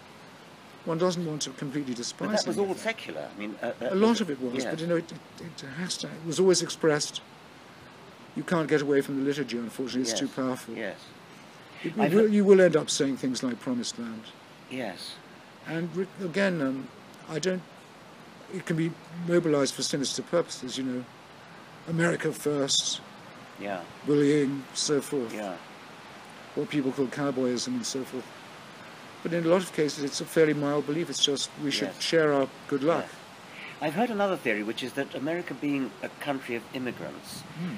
people coming from Europe, where they left their extended family, left the support system Yes. alone, and and they, they need a, something equivalent to an Well, extended family. surely that's the contained. that's- Surely that was contained in what I just Maybe it was, yes. about the immigrant. The first thing they'll do, the Tocquevillian. Yes, that's right. So it's a voluntary principle. Now, Yes. the reason why most of my friends are non-believers, I would say, and have been since I was quite young, since we were of school age, is not because they've engaged particularly in the arguments you and I have been having with such enjoyable results, but because they were made indifferent to compulsory religion Yeah. at school. I mean, it's as But simple as bored that. by it. And, and They had enough of it. yes, They took from it occasionally whatever they needed. Yes. If you need to get married, you know where to Yes. go, blah. Yes, Some of them, of course, are religious. Some of them like the music.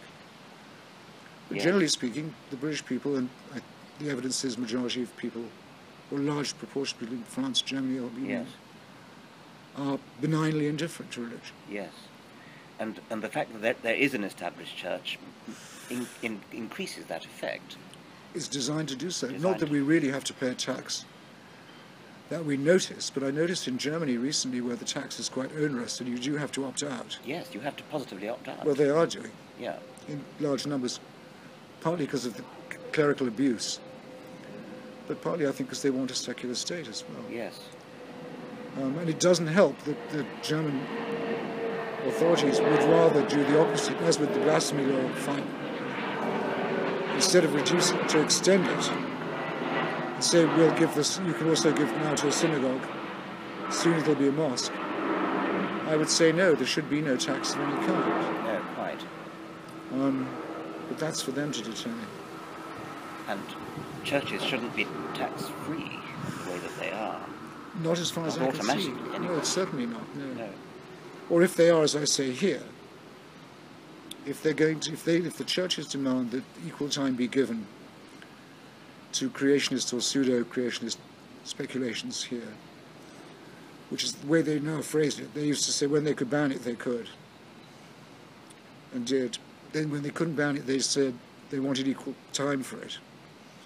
Now people like Bush say teach the controversy, which I'm Yeah. in favour of teaching, of course, in the history class. In the history class, in the history of ideas. So then they say, and politics, because the Scopes trial is a public Yes. event. Um, but then they say, you know, we want it to be taught. Well, fine. But any any church that teaches that in its school, that is in receipt of any federal money from the faith-based initiative, Yeah. must, by law, also teach Darwinism and the alternative teachings Yes. in real time, in order that the debate is being taught. Yes. I don't think they want this. No. But it's the next suit that we will But bring. if they do, they, they, they teach Darwinism in a very inadequate way. And, and well, we could we could combat that, but we would be able to say these materials must be, you know. Yes. I don't think they want that counterstroke, and that's my proposal. that That's what we do. Yes. Tell them they that jolly might- well, if they want well equal work. time, Yes. then that's the American way. Yes. We'll jolly well have it. That's why they've always been against teaching comparative religion, because they don't want people to know how similar. I know. That, that's a big thing. Yes. Comparative religion would be one of our best weapons, I suspect. Well, it's it's a very big one here. Yes. Yes. But I have to say, it's got so insipid in parts of America now that a lot of children are brought up because their parents don't do it and leave it to the schools, and the schools are afraid of it Yes. with no knowledge of any religion of any kind. Yes. And you know, funnily enough, why do the English say funnily enough? What's funny? We just do. I find that a little irksome and worrying. I would like children to know what religion is about. Because if they're completely Yes. I if you, agree. if you take them as it were ex nihilo with no I agree. some guru or cult Yeah. or fake revival could come along and sweep them up, They and will they, be vulnerable. they wouldn't know Yes, that's right. what I, I also would like them to know the Bible for literary reasons. precisely. Yes. And that's another reason why I try and instruct mine in this because, well, I we both I was pleased to see wrote pieces about the King James, Yes, yes, we did. That's right. the AV as it was called in our boyhood, and I couldn't be Yes. with, I couldn't be with, or the Cranmer Yes. the Cranmer prayer book, and Yes. um, a- there would be a huge amount, a huge amount of English literature that would be somewhat opaque if people didn't know. Absolutely. Yes. And, And have then- you read some of the modern translations? Oh well, Futile, said the preacher. Utterly futile. it's uh, does he really? he doesn't. Does No, honestly. that's too good. Futile, futile, said the preacher. It's all futile. That's Lamentations. No, it's um, Ecclesiastes. Ecclesiastes, I'm Vanities, vanities. Vanities, Um, vanities. Yes. Good Um, God, that's the least religious book in the Bible. I, I know. It's wonderful. It's absolutely wonderful. Yes. God, how funny. Yes. We've kind of That's run out the of time. that's the Um, one that Orwell wanted at his funeral. I bet he did. Or I- if he yes. didn't want it, no, I think he did want it. He certainly got it. There's some Via marvelous Anthony things in Pohl there, and others, Marvelous yeah. things. Um, I sometimes think the poetry comes from the obscurity of, of probably mistranslation.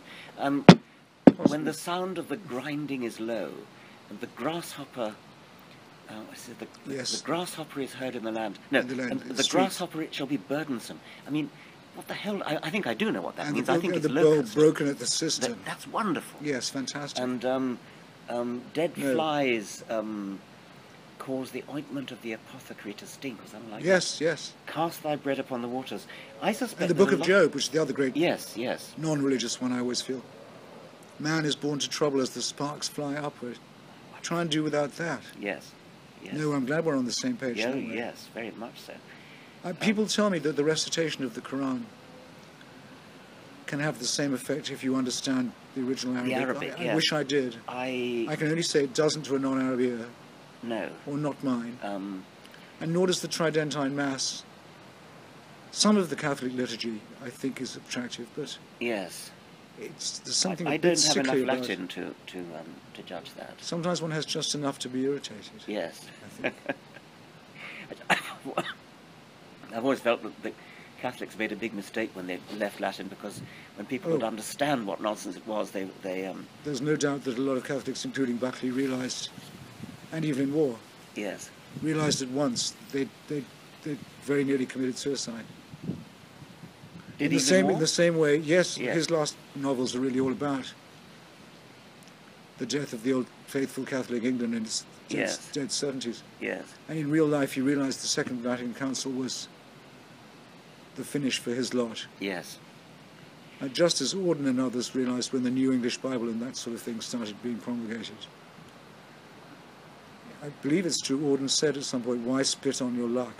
Yes. You had, and T.S. Eliot said something absolutely marvellous. It's in my piece, I quote it, about the, the way the Anglicans were torturing themselves Yes. and ruining what they'd got, Yes. their finest things. You were pausing for some purpose. Well, I think we ought to. I think perhaps we've got enough. I mean, I, I have some other things I want to If talk you about. say so, we could do I'm that at dinner. I'm very happy. I mean, I wanted to ask you about American politics, but perhaps that, that's not Do you relevant know, to New I'd, I'd almost rather not. Yes, I'm not particularly au courant at the moment. I haven't got anything special I want to say, in other words. No, okay, okay. Um, Um, let me just look down. and I'm presuming that your issue is, is it all about the struggle for Well, secularism? not, I don't know. I mean, I, I suppose that, they probably may think it is. Um, Well, they- they it must is have- the Christmas issue, and I, I well, um, then, then you should make it obviously a satire on religion. could I mean, But it needn't be all dogma, but I mean, could we talk about? I mean, is there anything I can't think about Christmas? It doesn't sort of mean anything to me. But I well, can you say anything about Christmas that that um, Well, yes. I mean, but we have nothing that the customers don't know. I mean, there was going to be a winter solstice holiday for sure. Yes. The, the dominant religion was going to take it over. take it over, whatever? And that would have happened without Dickens Yes. and without others. There are various different kinds of Christmas. And, There's and- no authority in the Bible for it taking place in winter. In No, fact, some, no- none of some to the contrary. Um, Christmas tree comes from Prince Albert, the yes. Um, Um, the, the shepherds and the wise men are all made up. That's right. Um, and didn't seem to know what to do after they'd finished. There was, well, Cyrenius wasn't governor of Syria. No, that's right. All of that. Um, Yes. I but that increasingly, in fact, it secularized itself. I mean, that's what people complain of. yes. It's happy holidays. I don't particularly like that either. That's horrible, isn't it? Happy holiday season. No, I, I, it's, I'm afraid all this is kind of weak gruel to me. But, the, but I prefer our yes, but the, the stuff happy about the holidays cosmos. was pandering to Jews, not to not to atheists. originally it was pandering to Hanukkah. Yes, that's Actually, right. it was Jews pandering Yes, to Christians. That's right. It was Jews overinflating the nearest holiday they had. It's partly their fault that in America now, the damn thing is more like Ramadan, it starts so early. Because Hanukkah's actually quite early in December. Yes. But So- Ramadan rotates, doesn't it, because of the phase Yes, of the but I mean, I mean to say it's very long. Yes. So by the time it's over, people are exhausted. Yes. But you know, I would far rather talk about the battles we have Yes. in the grand strategy, you know, Yes. against jihadism and against. Yes. Yes. Well, do you want? I mean, I mean- perhaps I should just say, have, have you got other things you'd like to say? Um, No, I'm no good when you do that either. no, no. If Um, you feel you've got a good chunk, I couldn't well, be we've got an enormous amount. I mean, I, they're, they're going to obviously edit I couldn't. I absolutely could not be happier. If you think we've got too much and they have to edit, I then, then we can be sure they're only editing some good stuff, perhaps. I hope that's right. Yes. Well, then Um, let's have dinner. Okay, let's have dinner. That's fine. I'm not quite sure how I'm going to have it. Oh yes. Well, I have to have a tube. It doesn't take long. Oh okay. Let me see what Carol's got. Yes. Okay. I'll, I'll see how this is done. Let's go to the loo first. Yes.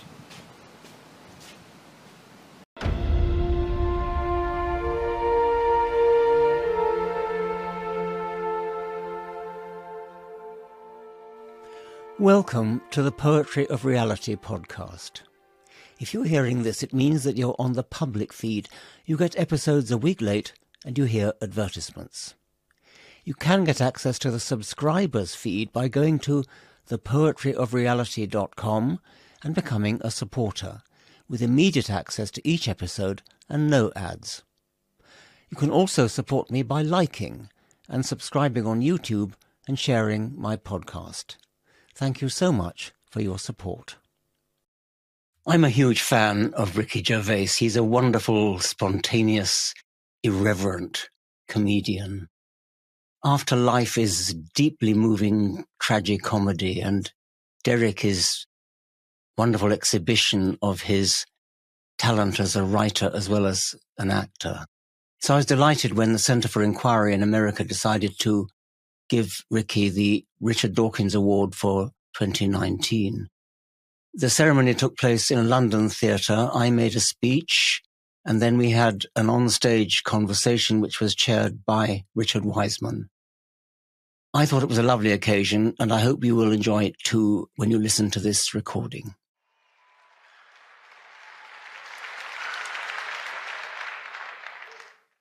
I'm sorry to say I hadn't seen any of Ricky's wonderful shows when I met him for the first time.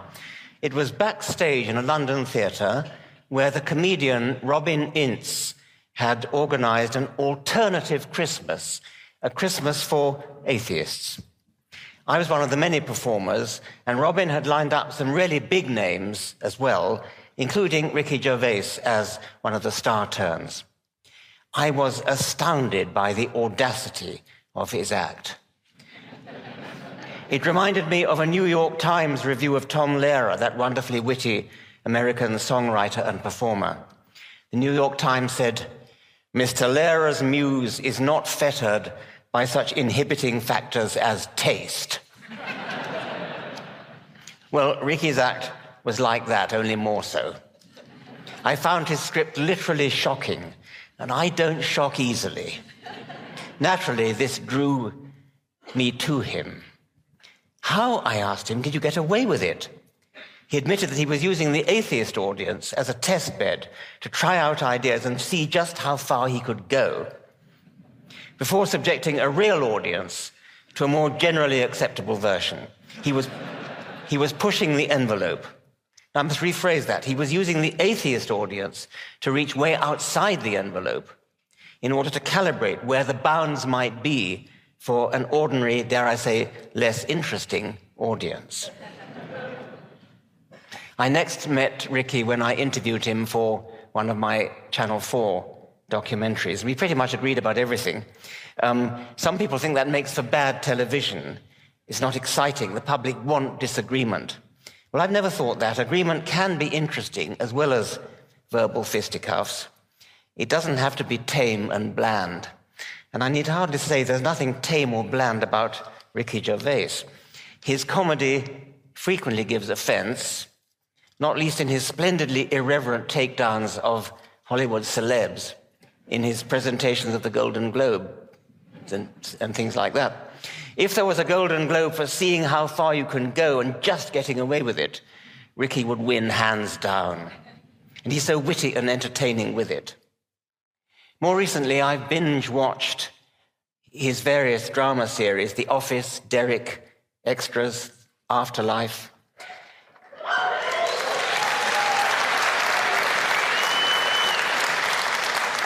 And what I've learned is that he's a truly great playwright and actor, as well as a stand up comedian.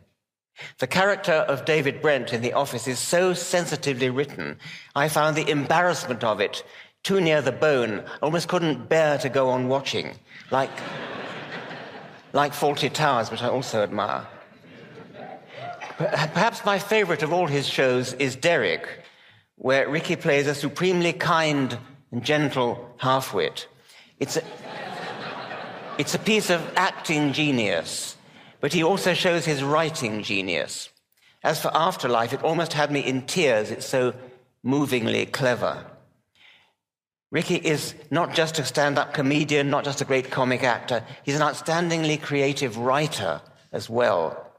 Like Woody Allen, except Ricky is capable of playing more than one character.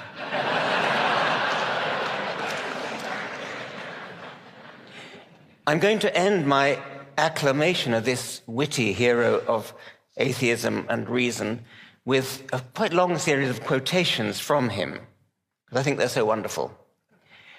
On life and death, it's a strange myth that atheists have nothing to live for. It's the opposite. We have nothing to die for, we have everything to live for.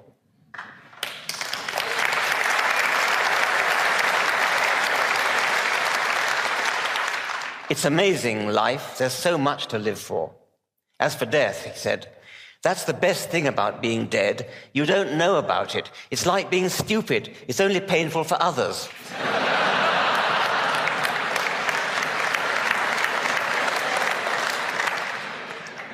The doctrine of hell is one of the most evil things about both Christianity and Islam. At least it is to the extent that people really believe it. But as Ricky points out, a Christian telling an atheist they're going to hell is as scary as a child telling an adult they're not getting any presents from Santa.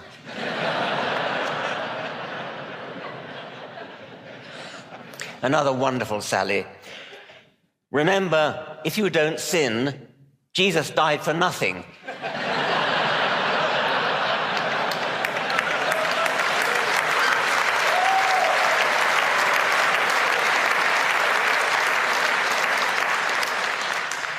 On morality and the absurd myth that you need religion to be good.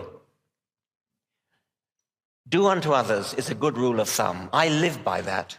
Forgiveness is probably the greatest virtue there is, but that's exactly what it is a virtue, not just a Christian virtue. No one owns being good. I'm good. I just don't believe I'll be rewarded for it in heaven. My reward is here and now. It's knowing that I try to do the right thing, that I lived a good life, and that's where spirituality really lost its way, when it became a stick to beat people with. Do this or you'll burn in hell. You won't burn in hell, but be nice anyway.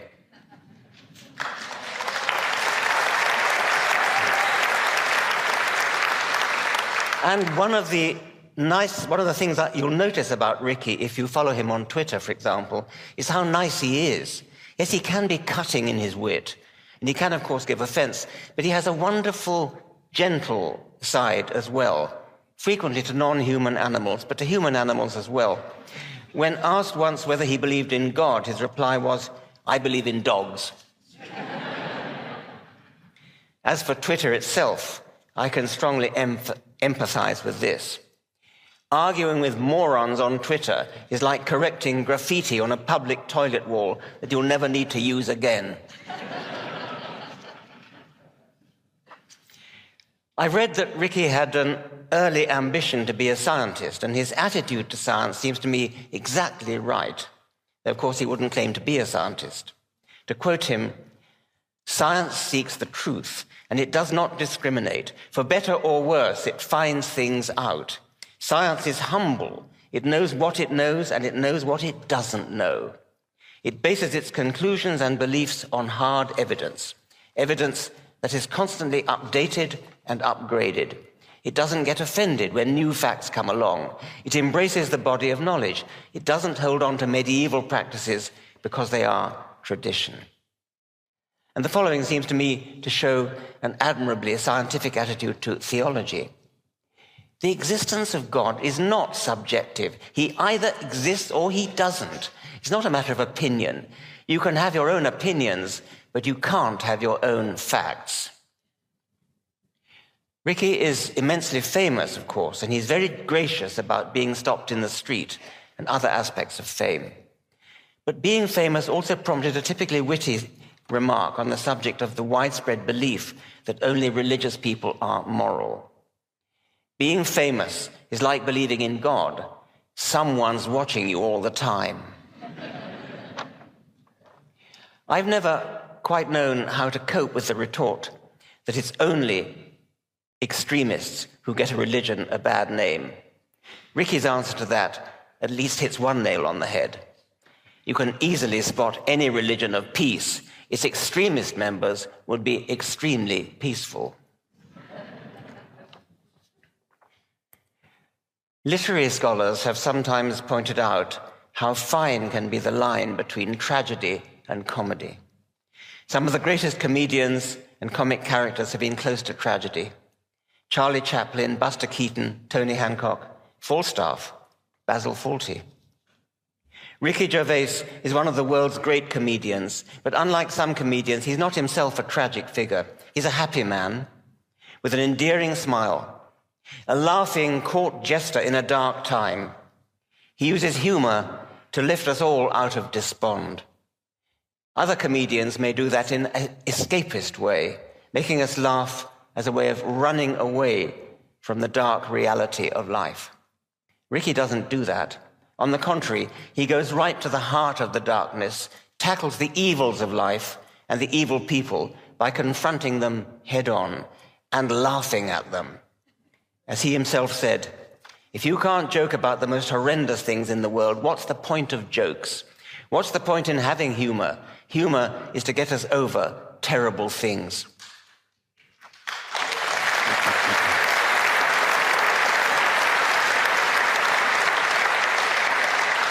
Ladies and gentlemen, atheists and rationalists, I give you a great hero of our movement, our own wittily creative, infectiously laughing court jester, Ricky Gervais.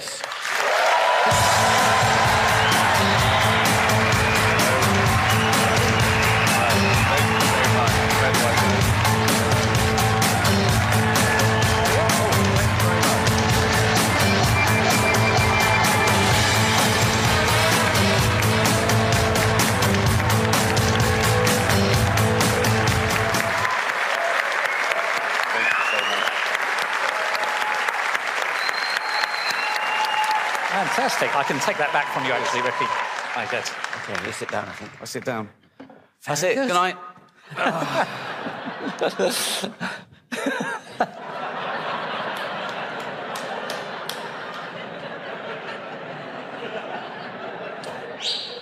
Now, Ri- Richard, did you if do you'd that? have been all in black, that would have looked Yes. like a really amazing trick. I thought wouldn't you'd do that with the power of your mind. That was amazing.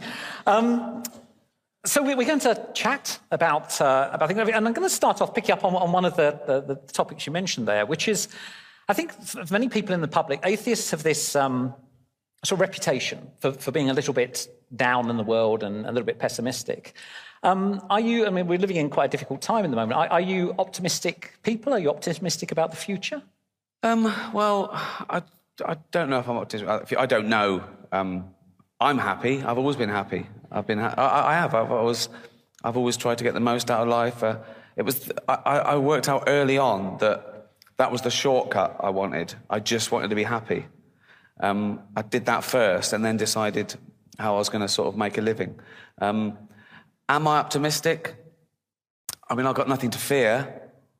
Um, I, I, I look at this a bit like a holiday. We don't exist for 13 and a half billion years. Then we exist for 80, 90, 100 years if we're lucky. And you experience everything. It's amazing. I mean, it's amazing to be alive. The chances of us being here as us, that sperm hitting that egg, is 400 trillion to one. It's incredible that we're here, you know. And then we die, never to exist again, you know. And um, some people even get offended by me saying that.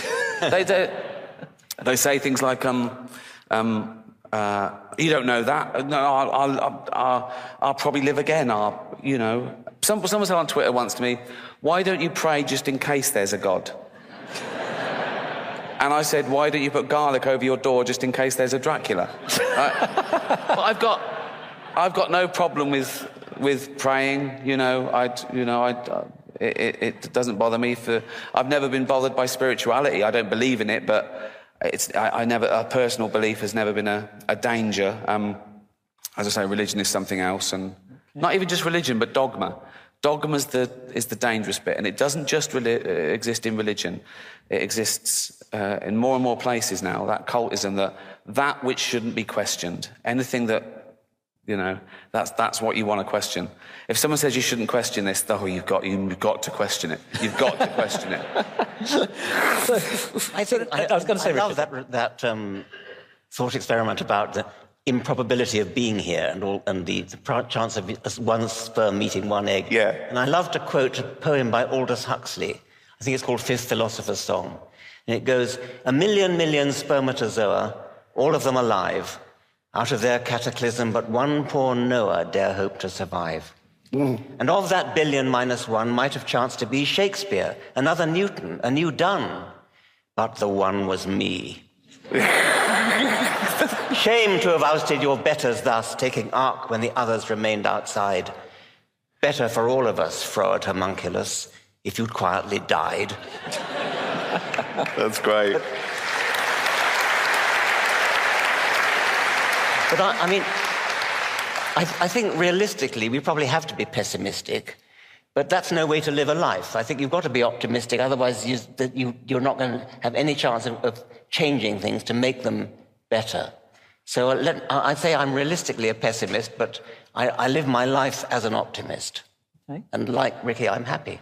Yeah, and I don't think uh, it's, and I think you, if I get it right, your question is geared to um, either are we are we worried about not existing again, or are we worried about how where the world's going? Well, there's not a lot we can do about it either way. You know, it's not a choice. You know, are you going to die or live? Pro- I'm, I'll probably I'll just live forever, which I probably wouldn't choose, or I would then regret it. I think the first million years I'd really be kicking myself. I'd go. I'd, I'd, oh no! Why did I choose infinity? Oh, there's no way out.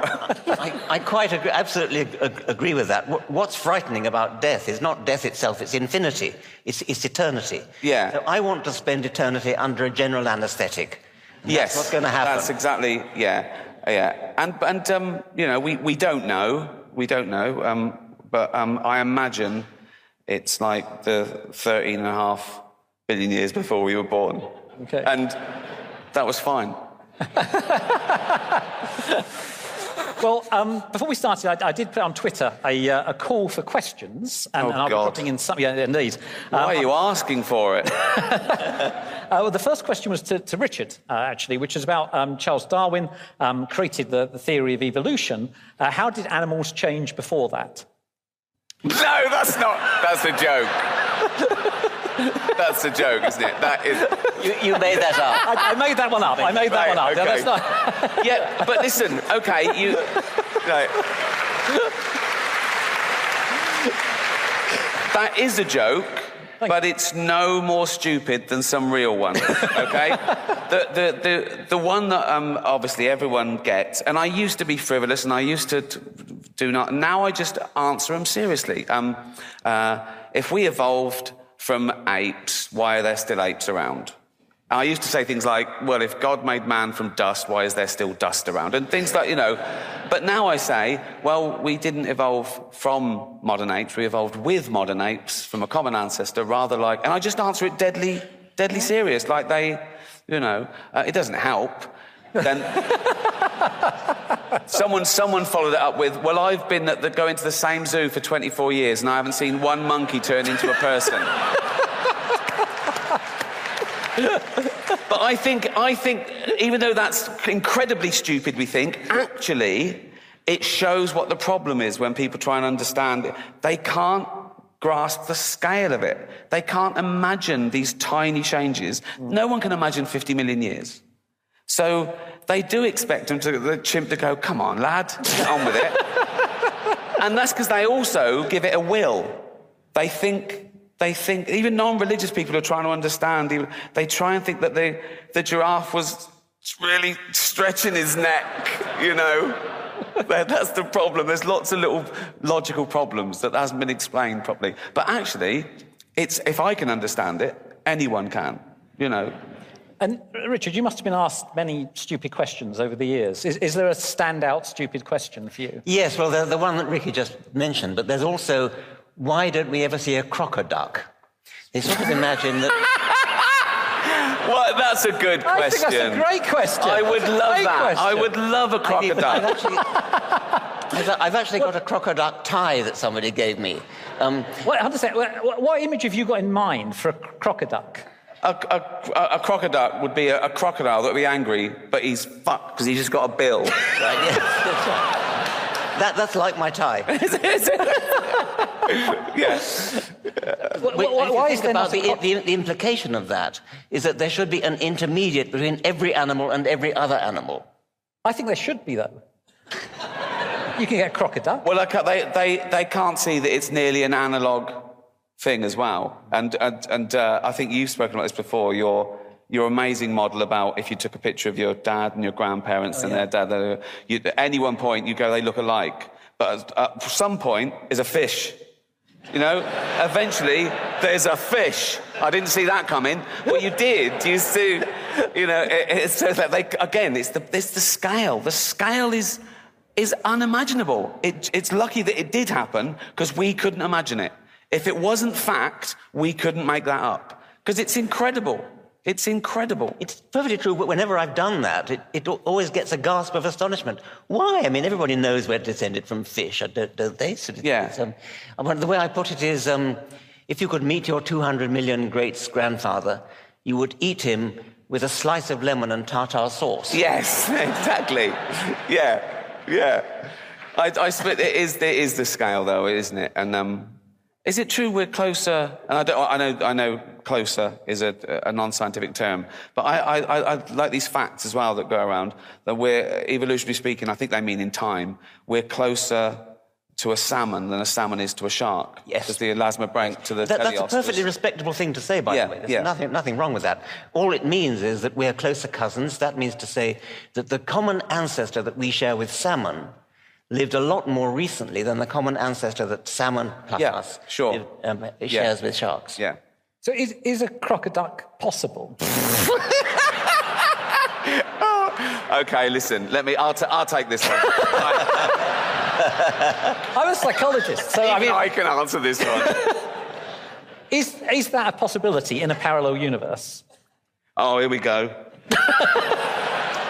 I did a podcast with Lawrence Krauss, and he was definitely saying things like that to just wind me up. just when I started understanding it, he'd throw in something else. I go, oh, well, why are you doing that? Well, it, it is true that when duck-billed platypuses were first sent back to the museum here, nobody believed they were real. They, they thought it was a hoax. They thought that somebody had taken a, a duck's bill and sewn Yeah. it onto um, some other kind of kind of creature. So I suppose that's the nearest approach to a crocoduck, and that is real.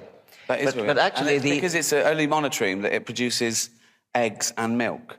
It could make its own custard, but it.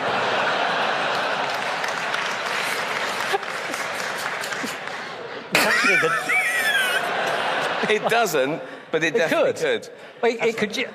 I use that instant stuff, so it could use that as well. If you get a whisk, it would be fine. Yes. It is amazing. I mean, some Australian mammals. It's because uh, is it true that it floated away and there weren't predators as such? So, and oh, every- there were predators actually, But they didn't- they well, didn't- they've, they've mostly gone extinct. Um, there was a giant predatory carnivorous kangaroo, for example, which must have been quite terrifying. Oh my! Bounding after you with its jaws agape. yeah. Oh, that, that I, we we should bring them back. Can I, we? um, I think so. Yes.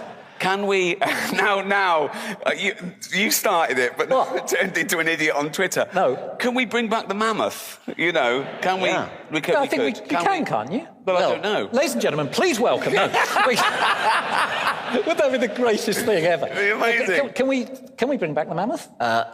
There is a serious possibility. Um, the genome of the mammoth is being pretty much worked out, uh, and um, the technology to actually bring it back is, isn't there yet. But we've got the genome, and so it doesn't seem totally impossible that you could. Now, what does that mean? Do you mean you've synthesized something, or you've put together bits of DNA, or the DNA exists and you've you found it in the elephant and modified it? What does it mean? We've got the we've got the. Do Well- you mean you've got the thing that would make a mammoth if it was?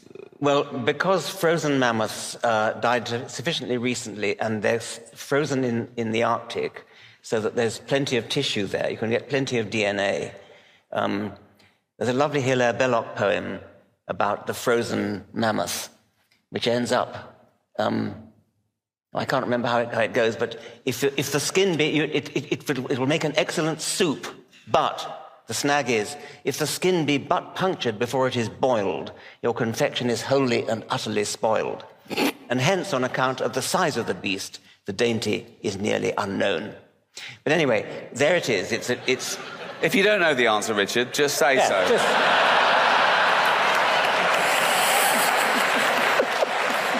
Right, you asked for this. It's. Um, okay. So how? No, so no, how? You, no, you, you, how would we bring it back? How could? How? What is the process? What would we do? The process is that you use the, you use the soft tissues of this frozen mammoth to sequence the DNA. And that's pretty much been done, with a little bit of filling in with, with elephant DNA as well. Now, what we don't yet have the ability to do is to implant that DNA into an elephant egg. Right. And then put the elephant egg into a, put the elephant egg with mammoth DNA into a female elephant and then grow the embryo. So it would be that- it would be a hybrid at, the- at most. It would No, be- no, no, How it would you? How could you? See, oh, so you'd clone? Oh, you'd clone the Yeah. mammoth and just Yes. use that as a You, you, surrogate. you, I remember, you remember Dolly the sheep? Yeah, Uh, yeah. well, it, be, it would be that kind of thing. So Dolly had a, it was a sheep egg, and into that sheep egg was in, was put the DNA of another sheep.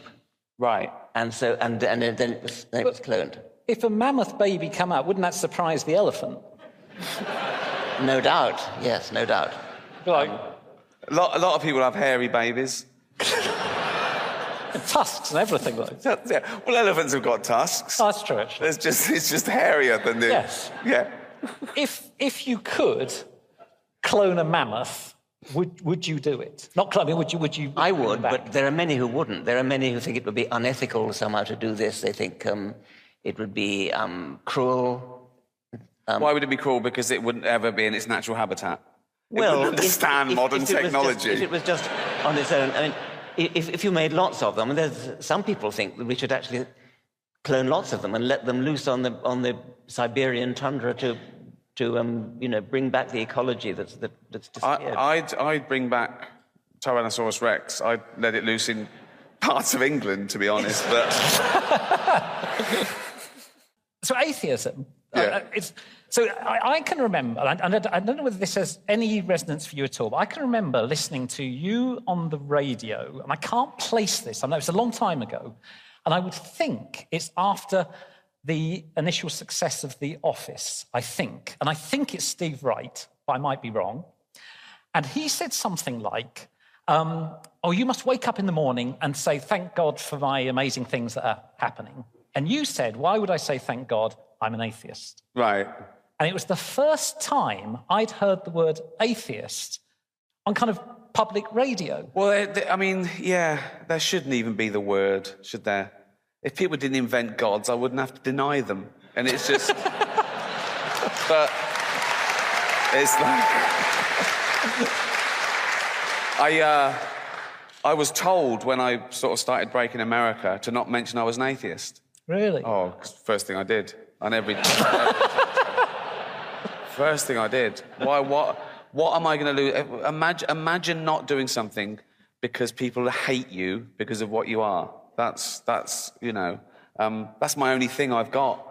I'm a white, rich, middle class man, but I'm at least I'm hated for being an atheist. Do you know what I mean? And, uh, have you I'm oppressed. I'm oppressed in 13 countries I'd never go to anyway. Ha- Have you seen a, a change in your, uh, over the last, I don't know, that's 20 years or so, about how uh, atheism is, is perceived? Well, I mean, uh, you sort of do it. I, I, there's part of me that does it because I think I should. That there is someone being persecuted now that might, you know, um, I, I can't, I can't change the world, but what I mean, maybe someone in a in a Western world that that thinks they shouldn't come out because it's a bad thing. Because it's still a bad thing in Western society. Um, in America, they took a vote. Uh, America, right? The, that, probably that big bit in the middle of America, but. Um, we were voted least trustworthy group, joint bottom with rapists. So there's still a thing about I better not say I'm an atheist. It'll annoy my mum or dad or granddad or school. There's still that. So you do that. Some of it I do it as an intellectual pursuit because someone asked me a question. I'd rather give the right answer than the wrong answer. I'd rather tell the truth than lie because it's easier. You know. I think the big thing. People think I run into churches and go, "It's all fucking bollocks." I, do, I I, I don't. I don't care. You know, I don't. I, um, but if I'm asked if I believe in God, I'll say no. I mean, you know, the tricky one is um, um, I, I did a film called The Invention of Lying, where I did a scene where my thank you seven people saw that film. Um, um, where my mother in that is dying, and it's uh, uh, because I'm the only person in the society who can lie. She says, I, I don't want to go to nothingness. And I, I, go, There's not nothingness. It's a beautiful place you go, and you're young again. And I invent heaven, right? And that comes from the fact that when my mum was dying, I did face a dilemma. If she'd have said, Do you think there's a God? That's, that's a personal thing, and that's a, you know. Um, uh, so I, yeah, I, I, um, I, I try. I just try and be honest, really. Um, and the other thing is, if, a, if someone else's kid, five year old, asks me, Do I believe in God? I sort of think, What should I say here? And I say, Well, I don't, but a lot of people do. What do you think? You know, I try and, I, there's still a, a level of diploma. It's not, it's not always my place. You, don't, you know what I mean? Mm. I do, uh, uh, um, but, uh, you know, my house, my rules. If someone asks me something on Twitter, I tell them the truth. It's, you know, and, and, and Richard, in, in, the last sort of 20, 30 years, have you seen a, a change in how atheism is, is, perceived? I'm not a sociologist. I haven't done the, the, research. I'm not a psychologist, so I'm not sure. It would only be a subjective impression.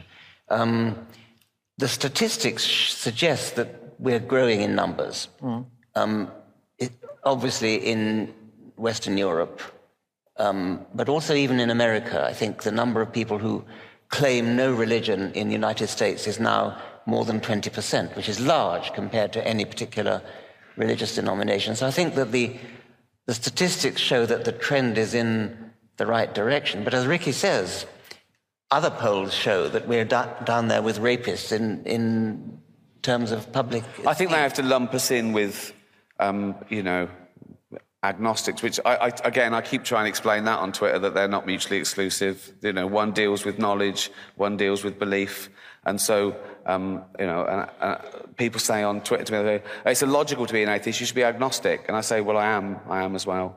Um, you know, I, don't agnostics get on your nerves a bit?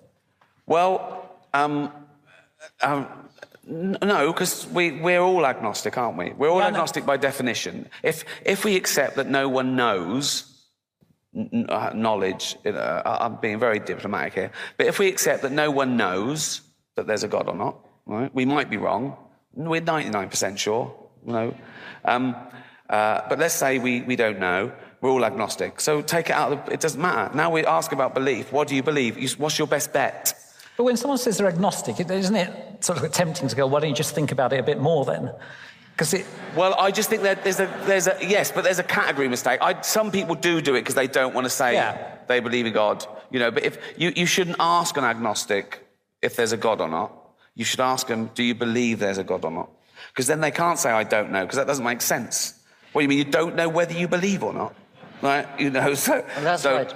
Yeah. I, I think the, the the really sick making thing is people who think because because they're agnostic and we and we can't know for, for sure Therefore, the likelihood is 50 50. Mm. Yeah. Very different. I mean, it, it, it's, you know, I'm, I'm, I'm agnostic, but I think, but I believe that the likelihood is about 1% or less.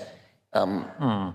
That, that, That's not that, really agnostic, is it? Yes, it is. Yes, if, if, we accept that we don't know, if it's a default, we don't know, no one's come back from heaven, no one's proved it. You can't prove the non existence of something, and why would you? The periodic table of non existent things is infinite, you know? it's like. um, so if we accept that, that's, that's a knowledge, that's a category of knowledge. But if you just say, what do you believe? You, yeah, you have to step up to the plate. You have to say what you believe. And if you don't believe in any God, right, you're an atheist. That's the other misconception. People think that atheism is denying the existence of God, right? It's not, it's just not accepting the claim that there is a God. You know. Uh, but if there were three doors, which says God exists, God doesn't exist, I don't know. That doesn't make sense. There's three doors. It says God exists, it doesn't exist, I don't know. But you not knowing is irrelevant to where there is or isn't a God. Again, you've done a sleight of hand there on a category mistake because one is knowledge and two are beliefs, right? What, I haven't sorry, one my is question. Actual, no, what? No, no, there's always. I'm saying three is always there. If you had to choose one. Yeah. It's, it's um, I, be, I believe there's a God. I don't believe there's a God. I don't know is irrelevant then, isn't it?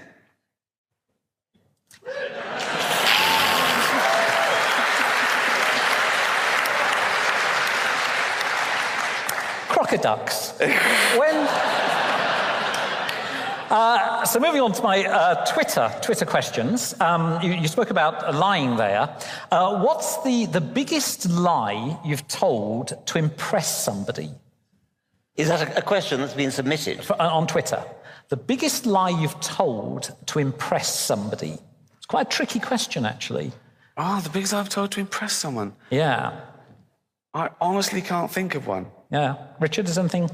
Not only can I not think of one, I'm quite confident there's never been one. You've never told a lie to impress anyone? I've, I've told a lie to not hurt people's feelings. Yeah, that's different, yes. I suppose that's impressing them because I, I want them to like me by not saying. So, uh, my example. So, can you come to my party? I say, no, I can't. I'm giving blood at the orphanage or something. no, because I don't want to say, of course I'm not coming to your party. I hate you and all your friends. It would be a waste. so, uh, my, my, lies are usually because I haven't got the nerve to be honest when it's yeah. hurting someone's feelings. They're all white lies. Yeah. Right. Okay. Um, but I don't think I've lied to, like on a CV or something. I, oh, I, I didn't write the question, so I don't, don't, don't, turn it back on me. it could be anything you want. Yeah. Um, Richard, there are three doors. I believe in God. I don't. Um, I suppose that works if you say which answer sums you up most. That's allowed, I think. What, with the three doors? Yeah. There is no God, there is a God I don't know. I'd go for there is no God because I'd want to, I'd, I'd identify with choosing that door. But there's still a category mistake because one deals with knowledge and one deals with belief. So. Uh, now, the category mistake, you have a background in philosophy, of course. Your first degree is in philosophy. Is that My right? only degree. Oh, God. Your last degree. Yeah, you made it sound really good. I, was, I, I, could, I could, have just nodded. yes, that I was my first degree. That would have been a lie to impress. Exactly, yeah. In fact, my first degree was biology, which I did for two weeks. and then swapped to philosophy. There were nine o'clock lectures. There was 40 hours a week. I suddenly got to university and thought, I haven't come here to learn. I've come here to join a band. Do you know what I mean? And so, so that's a category error. So, yeah, so yeah. philosophy was, um, uh, yeah, I did philosophy. Yeah, I got a degree in philosophy, um, and UCL. I, I, have you ever found that useful? Well, only that everything is is useful that you learn. Any sort of well, that's not true, is it? Really? Um, uh, I, I, suppose um, uh, critical thinking is, is useful, but I think I already had it, or I wouldn't have mm. done science and philosophy. So I don't know that it's useful other than it's nice to know stuff. It's fun. I mean, I, I tick it as one of the best things about being alive learning stuff. I want to know everything. I'm still in awe of the world. Honestly, I wish this wasn't about me because I'd be quizzing him. He'd, he'd, get fed up. He'd go, for fuck, shut up. I'd be asking him questions all the time, you know. and if, if we turn to your, your, your work for that, and in fact, actually, this is a question to both of you. I think what's interesting is that your, your work is incredibly innovative. So, so if you take Selfish Gene or you take the God Delusion, it's, it's, a very, it's a very innovative work, and the God Delusion in particular, I mean, uh, came out of a time when atheism wasn't a popular thing to be writing about, and, and you went for it. The Office, I mean, just phenomenal in, in particular, I mean, all of your work, but The Office, we just sort of focus on that. I, where do those ideas come from? What, what, what's the process behind innovation in that well sense? it's very different because richard's dealing in uh, what's true about the universe and I'm making stuff up. So, so I, I'm, I, I wouldn't put myself alongside scientists. Um, um, but for me, it's uh, uh, as I get older, all I want to be in art, in comedy, whatever, is just more honest and look deeper. That's all I want to do now. That's all I try and do. Am I being? Um, is this? Is, is first of all, has it been done before? Mm. That's what you you don't want to do. You want to keep going, you know, this is new. Um, but um, I do want to, uh, I, I'm, I am fascinated with honesty and bravery.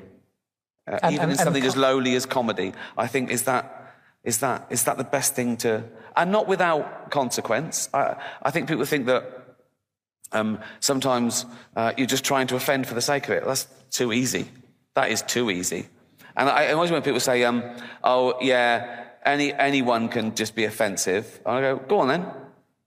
sell out an arena and be just be offensive. See, how- you know what I mean? It's a ridiculous thing to say. So that's never the aim. Um, uh, but I'm, I am aware that some people will find everything I do offensive because everyone's different. But that's no reason why you shouldn't uh, shouldn't say it. You know, that's that's the good thing about freedom of speech. You have the right to piss off lots of people at once. Is, is that your thoughts as well? Well, I think that the um, to to say that offends me as though that was somehow an argument. Yeah. is is what's really pernicious. And um, uh, I think Stephen Fry said, um, "You're offended. Well, so fucking what?" Yeah. Uh, yeah. And um, Christopher Hitchens said slightly more moderately, You're offended? I'm still waiting to hear your argument. But that's what it is. That's what often people have found out now. It's sort of tit for tat, right? Um, and uh, some some of it was a rebellion against the first wave of political correctness, where they said, "Well, if you can't do that, I'm offended by that. Now what?" You know, and it was it was. But it's another form of dogma. It's another form of shutting you down, um, putting the uh, the, the the suffix um, phobia on the end of something. So that means you can't discuss it anymore, and uh, you've got to be very careful about that. But particularly in comedy, most offence is taken when people mistake the subject of a joke with the target. They think that subject is a terrible, contentious, terrible thing to laugh about. Well, no, but look at the joke, though. You know, and they don't. They go, no, you shouldn't joke about so and so. I've been asked by journalists, is there anything you won't joke about? And I say, is there anything you won't write about? Because straight away they assume a joke is making fun of the terrible situation or the, the victim or the. And, and, and, and I don't do that. I actually don't do that. Which, and it's fine if you do. I think humour is exempt from those things. But I still don't. I still have a conscience when I. And I try and make my jokes bulletproof. Now, of course, you've got to make them bulletproof for 10 years' time, which is a, which is a problem. And is it a question of, of the audience perceiving where it's coming from, in, in a sense that, you know, if you're a racist and you do racist material, clearly that's a very ugly thing. Yeah, So I no, I think that, just the I joke, think it's it's I think the actual. What I mean is, I think people you can do a joke about race Mm. without being racist, and I think that's. I think people think you mustn't joke about race because they assume it might be. right. They haven't looked at it, and uh, some people just they just it just scares people a little bit. And some people are offended on other people's behalves. You see people in the audience looking around thinking, can I laugh at that? Maybe I shouldn't. And you go, well, why? And I, I, that's why I deal in taboo subjects, because I want to say, well, you can laugh at this. Look, here's an example of something you can laugh at. Um, and I give them examples. And I, I almost, um, uh, I defy them not to laugh. Okay. Because uh, uh, uh, it's okay to laugh at bad things. It is okay to laugh at bad things. But, but you're not setting out to offend. I'm not setting out to offend, and I think the targets of my joke are valid. I can defend every joke I've ever made. Um, uh, I, I could even argue that every joke I've ever made is politically correct, but um, that, that's another that's another matter. But um, yeah, Okay.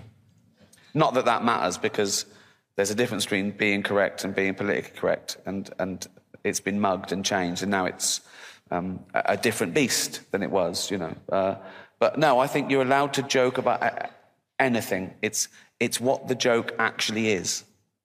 And, and sticking with your, your work for the moment, if there was a weird parallel universe where you could only have written one book or only made one television series or, or film, which one would you be most happy with? I would be most happy with the extended phenotype. Oh, surprising. Which is, which is the one book I've written for a professional audience, although I hope other people can read it as well. How interesting. So I, I thought you would, you would go with Selfish Gene or God Delusion, but. Oh. You've written those as well, just to remind I- you. Just to, I'm actually, I admit, pretty pleased with all my books, Yes. I must admit. Um, but um, uh, I, I think the, the, the, the one, I, I think perhaps the, the one where I made the most original contribution is the, is the extended phenotype. Okay. Um, I was quite agreeably surprised when you said you thought the God delusion was, you know, innovative. I'm not sure it's innovative. Sorry, Paul Robeson singing to me. I've got to stop. it's my alarm clock reminding me to take my pills. Do you, I love Paul Robeson. do, do you need to take your pills? Because we can No, chat no, on if. it's fine, no, you're okay. that's fine. This is going to get good. So, um, I, th- I think the, the God delusion was enormously. I mean, no one was doing books about atheism at that time, as far as I can remember. No, that, well, it's not quite true, actually. Sam Harris was. Um, but, um, uh, and I think, but, but I mean, there's really nothing in any of our books that, that's not foreshadowed in, say, Bertrand Russell. Um, It's amazing. the, uh, why I'm not a Christian and so on. Um, but then you mentioned the selfish gene. I think that, that is more in, innovative, actually. And I think the extended phenotype is more so. Okay. Ricky? I'd probably go with the Old Testament. Just because of how popular it was and how well it sold. Um, you did phenomenally well with that. I'd be, just think how rich, I mean, I'd, could I do better marketing and I'd do better deals Yeah. than those goat herders did. I'd have a top US agent and, uh, yeah. I heard a. Um, I was listening to a Woody Allen routine, uh, which is the vodka uh, routine. He said, "Oh, he said my rabbi's terrible. My rabbi's terrible. uh, he, um, he's giving a sermon. He, he forgot the Ten Commandments and listed the seven dwarfs." that was a great joke. Uh, anyway, I digress. Um, so, so uh, if, if, if I w- didn't allow you to, agree that, that, that your work was with the Old Testament, if, if you weren't allowed to, um, to go, which of your, your TV series or films would you go with? Um, uh, well, I mean, The Office springs to mind again because it was the, the first thing I'd try my hardest at, and you know, um, so yeah. Um, yeah. Is it, really.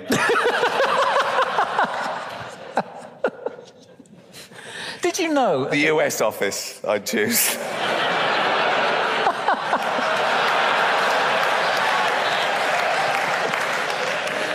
Did, did you know from the, the, the get go with The Office that you'd got something very special there? Um, yeah, I thought it was special. I thought it was different. I, I sort of came to it with a big list of sort of don'ts more than do's because you know you.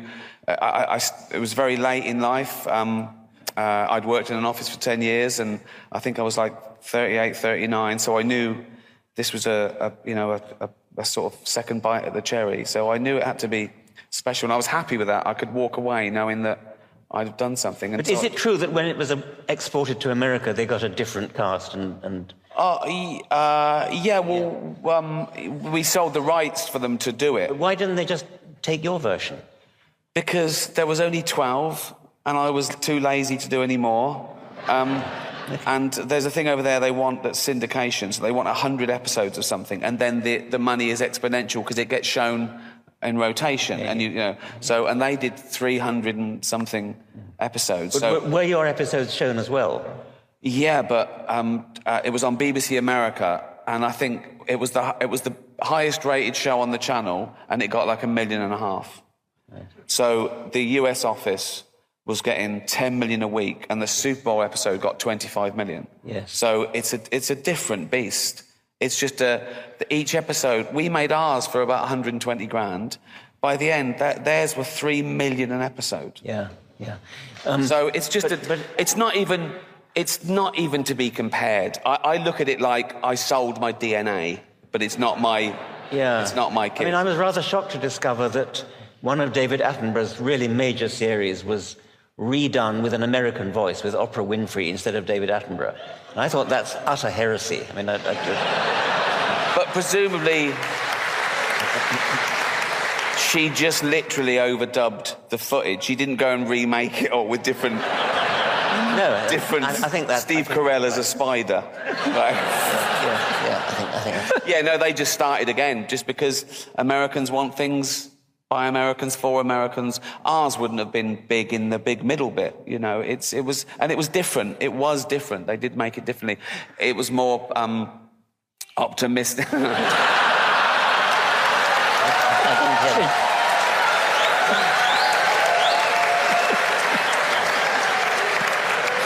it it, it, it, wasn't mine artistically, but um, uh, it, it, honestly, it, it was much more lucrative for me than my version, you know. So, someone on, someone on Twitter once sent me, um, the US version of The Office is better than yours. How does that make you feel? And I sent back, fucking rich. But that happens with TV. Obviously, Americans buy ideas and remake it. It doesn't happen with books. I mean, if someone, if an American publisher, we love God Delusion, but we're going to get Sam Harris to do it, that, that wouldn't No, really. That's true, but what they do is change the title. Right. It's extremely irritating. Um, I've, I've actually. It was called Mega Jeans. Yeah, I've, I've, I've actually, I've actually bought the same book twice because I didn't realise it was the same. and on one occasion, I saw it. You, you, you know, on Amazon, it says, if you like so and so, you'll probably like so and so. Same book. If you Really? that's, great. That's a fantastic algorithm because it is That's correct, isn't it? If you like that. Yeah, yeah. That's great. So, what did they change your titles? Did they? I've never allowed it, but many of my colleagues have had the titles changed. Right. Uh, and um, I find it unnecessary and um, really damn nuisance. It, it, Matt Ridley says it's because the publishers like to feel important. It's the only thing they can do. And, and so I assumed it was marketing, like they wouldn't get that title or certain. Yeah, they call it- they call it marketing. Yeah, they call it marketing. Yeah. so in, in the, we were chatting beforehand, um, I was checking with some friends, and, and one of the, the questions came up about comedy and the fact that we couldn't think of many, if any, comedians who were religious. I'm not asking for example. I'm just saying, is, is, do we think it's a thing that most stand-ups tend to be agnostic or atheist or? I think so. I think that's because a lot of comedians um, uh, are critical thinkers. I think a lot of them are science based. Um, uh, they're intelligent. Well, I don't want to. Well, yeah, but yeah, but then you know, a lot of a lot of religious people are intelligent, but they've been they've been got at an early age, and it's like, um, I, I- yeah, I think they're braver. Some people, there's still a thing of not saying I'm an atheist because they because people think that it's a bad thing to be. Hmm. You know, parents still christen their kids instead of school because they think it's a respectable thing to do. You know, um, and, I- and uh, that that's sad, uh, but I get it. Um, there's a couple though. There's a couple. They don't put it in their act. I don't think. Um, uh, uh, Tim Vine is very Tim- devout Christian. Christian. Yes, true. Yes. Yeah. but but in, in general, it, it, they, they tend to be, I think, more sceptical or. or... I, I, think that's because they are they look at things from all angles and they come up with funny ideas. And I, I- um, uh, and I, I try. I, I, I look at the idea, and I think that's that's what's wrong, and that's what dogma does. Is that people try and give ideas human rights, so you leave them alone, and. You, you, you, you don't have to. You can ridicule ideas without hurting anyone. And some people say. That deserves a round of applause. Oh, thank, thank you.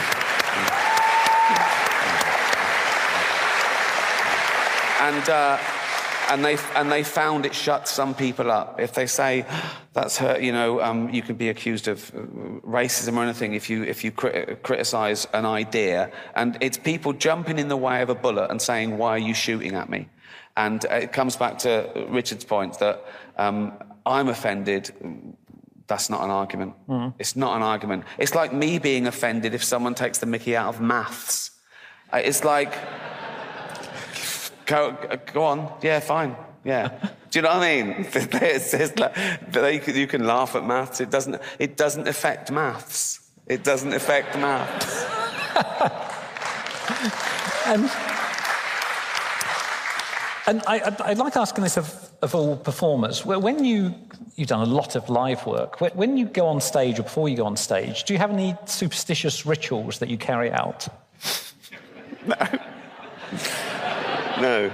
Really? No, I'm not superstitious, am I? Is this a trick? No. If I said yes, I'd go down a vault. Then look at this footage and deny it. No, no, um, no you really. No, I have. I, I probably have loads of um, uh, sort of neuroses and OCDs and things like that, but nothing based on superstition. It's um, uh, worrying that uh, are the audience in? Is what, what's the air conditioning like? Is it like someone gonna? Is there a squeaky door? It was no ice in the drink. Someone's putting off. There's someone. You know, um, okay. I have all those things, but I have no superstitions. No. What, do, did you mean superstitions, or do you mean? Yeah, I mean some performers touch wood or wear certain socks or no, nothing. Well, I wear the same clothes because I can't be bothered to think about what else to wear. But no, I don't do touch wood. Okay. Um, no, I don't touch wood. No. I'd no. ask. No, I don't. No.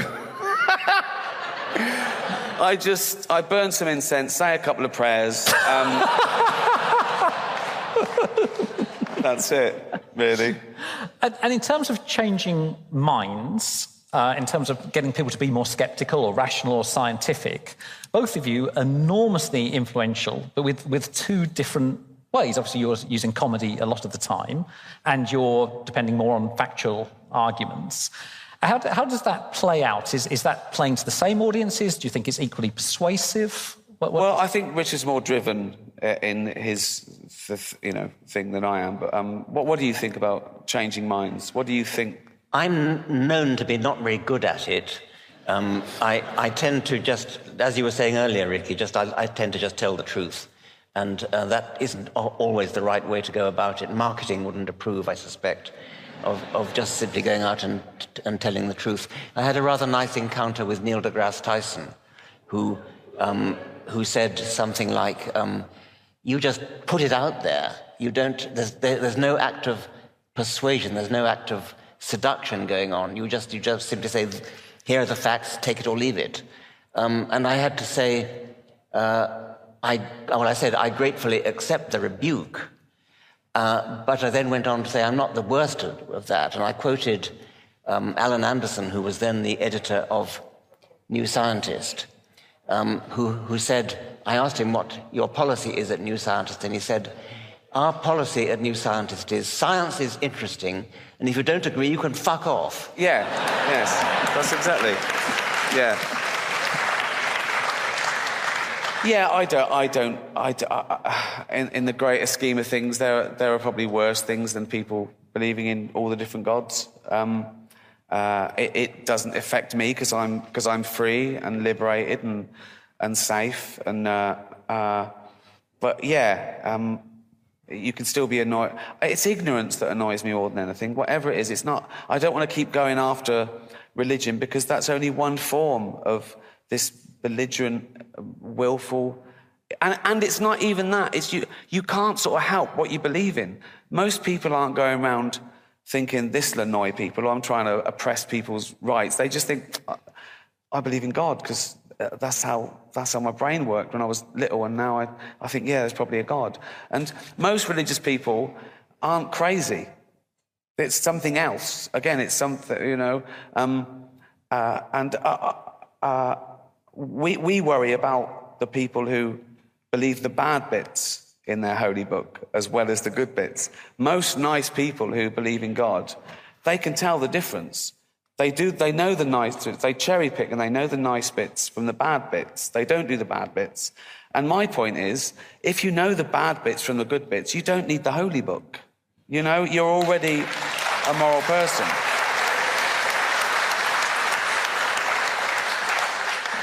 And with Afterlife, which I, I think is, is phenomenal. Thank you. Um, the.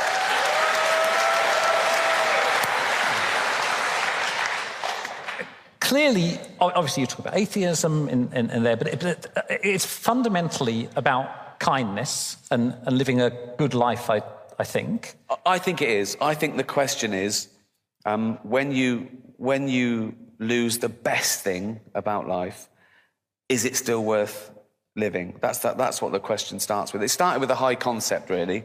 Imagine you lost everything, you wouldn't care about anything, you could do what you wanted. So that was the comedic, where dramatic. Did that, where did that thought come from? I don't know. I don't know.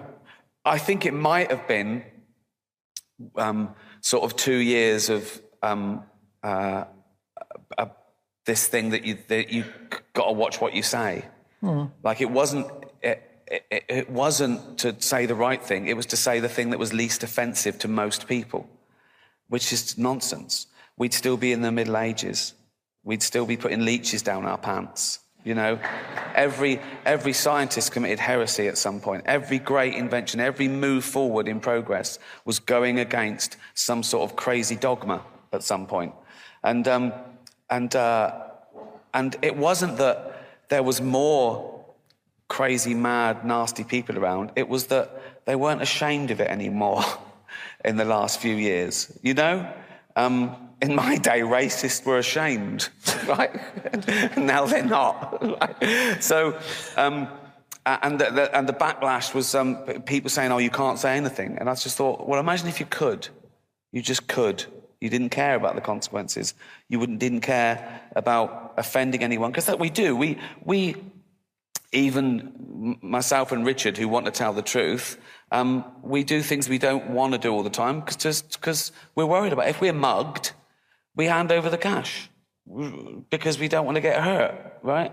But imagine if you didn't care about living or dying. That happens in uh, afterlife. You think, bring it on. I'm not scared anymore.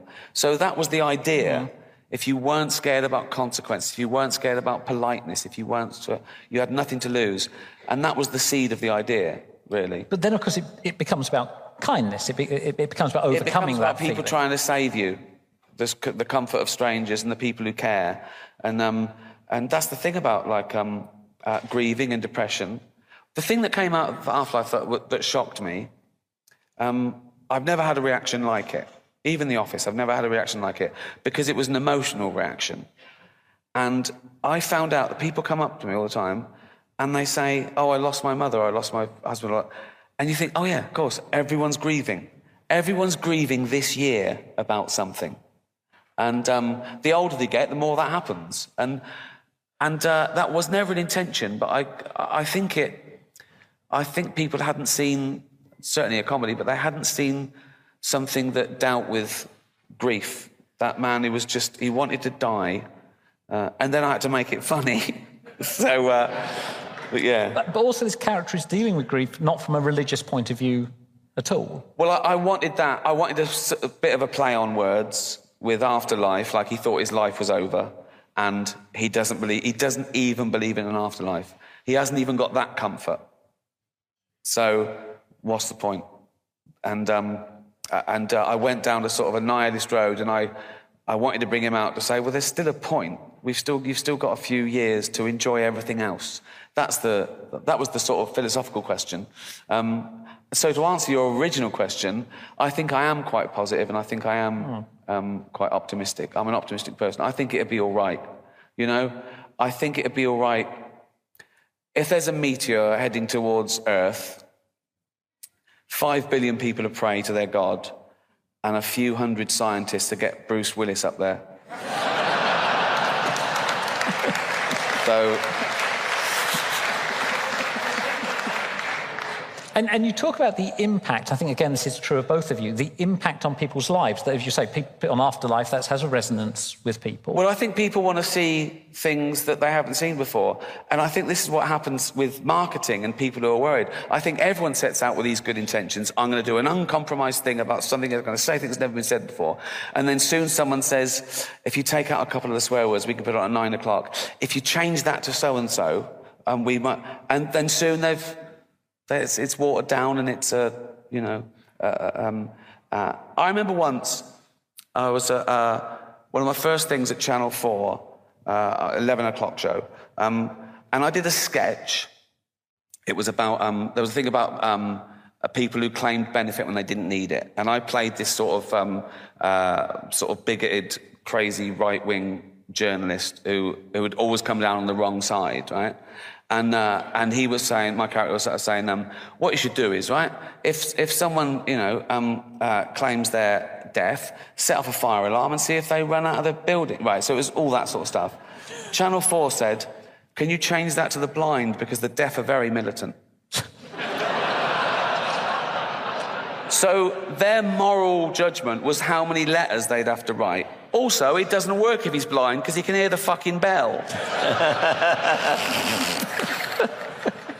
I wonder why they care about getting letters, actually. I've often wondered that. Because that, eh, people think that one one com- now is worse. Worse now. Now people are terrified of one complaint, and now you know they're held to ransom, particularly the BBC. You know, um, I, I've I've um, uh, you know talked people down um, like executives by saying I'll write the letters. Sometimes they want to know. I've explained the joke why it's okay, and they go, okay, never a complaint. I've never had. If I've had a complaint, it's never been upheld. You know, because if you can, if if you're clever enough, you can. It's not just putting stuff out there and trying to offend everyone. It's you know you you, you can explain it. Some people just want to be heard. I, I, I work in my normal job. People would complain. I'd call them back, and they go, "Oh, didn't think you'd call back." They were already happy that you'd called them back. Some people want to be heard because they're never heard, and then people are scared of a complaint these days, and uh, there's no reason for it. But with, with Afterlife, how does it feel to, to get that feedback from people that it's much more emotional? People saying that that touched me, that has resonance. It's great. It's really good. I feel very proud of that because um, um, it's just a, I suppose it's just another little layer to it. Um, and, uh, and I'd certainly rather that than I hated it. I was offended. You know, I don't, I don't want people to hate things I do and be offended. I, I want them to enjoy it. You know, I'm a comedian. I'm not a politician or a, you know, a religious leader or a, I, I put stuff out there because I think they'll enjoy it and, um, and pay me. And Richard, obviously your, your books have had enormous influence on, on people's lives. How does that feel?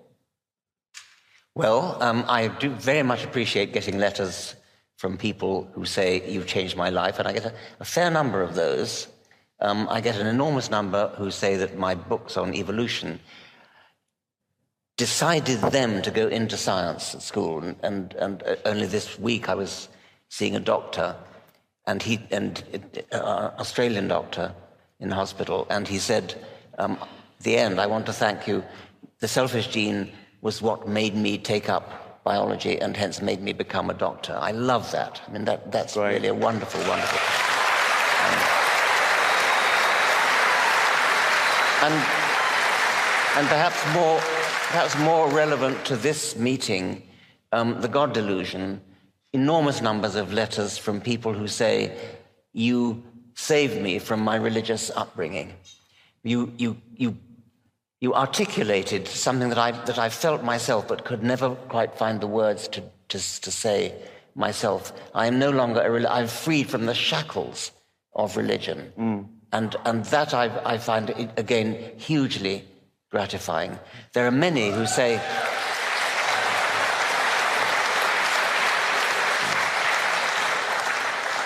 There are many who write in great distress because they have lost their faith and are unable to break the news to their parents or their spouse.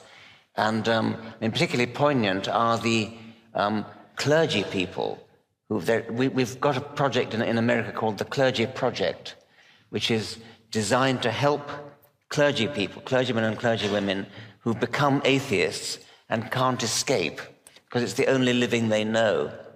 And um, so that's poignant when, they, when they're, they're stuck. They, they, they can only earn their living by, by going on preaching sermons and, and things like that. So, so the, the, the Clergy Project uh, does that.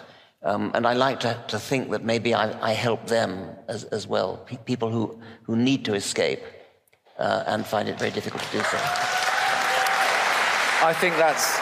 I, I, I think that's really important, and it comes back to the point we made earlier about um, uh, ideas not having human rights. Because I think people think when we criticise religion, we're, we're criticising people who are religious, which is couldn't be further from the truth. Because we think they're victims too. Absolutely. You I mean, the, the word Islamophobia is all about that. It's a, it, people think that if you criticize Islam, you're criticizing Muslims. Quite the contrary, they're the primary victims of Islam. Well, ex- uh, yeah, We are we're almost out of time, uh, but just before we, we finish up here, just to turn our attention to the, the future, you have amazing pieces of work uh, that you, you've carried out. What what direction do you see yourself going in the future? Downhill. Just just Seriously, downhill. It's just. Just awful. awful. Yeah, I've got a bad back. I wake up, I just, I ache. My knees have gone. I don't know. It's what's the point, really? I just. I want to be. When, when, have we got the head in a jar? That's when I. That's where I'm on a skateboard. Me in a jar on a on a hoverboard, whizzing around. 200 years old. Right. Um. Uh, I want to do more Afterlife. I'm, I'm starting filming next week, actually. Afterlife 2. Thank you. Um, uh, I'm uh, going to do uh, follow up to Humanity next year with um, Supernature. Um, uh, so, uh, and then, um, I don't know, uh, just get drunk.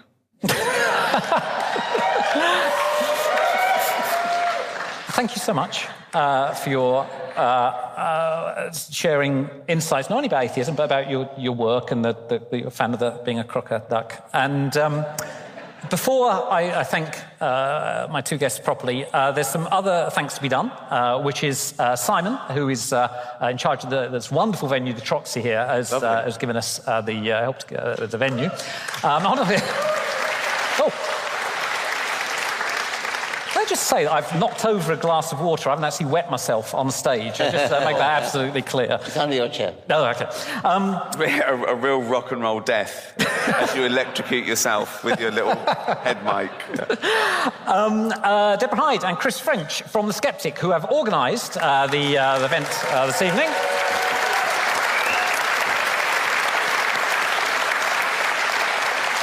And the uh, Centre for Inquiry, and of course the Richard Dawkins Foundation, uh, again for helping to organise and uh, sort out the event.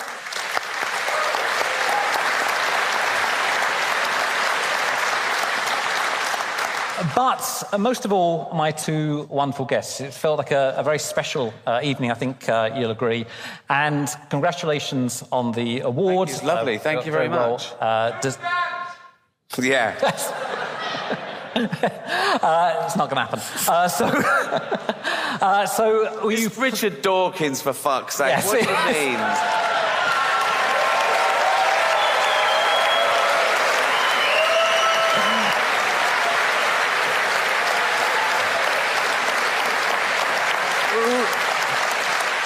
Richard will be signing books uh, afterwards, uh, but I think you'll agree uh, a fantastic and unique evening. Ladies and gentlemen, please give a huge round of applause for two wonderful guests, two amazing people Richard Dawkins, Ricky Gervais!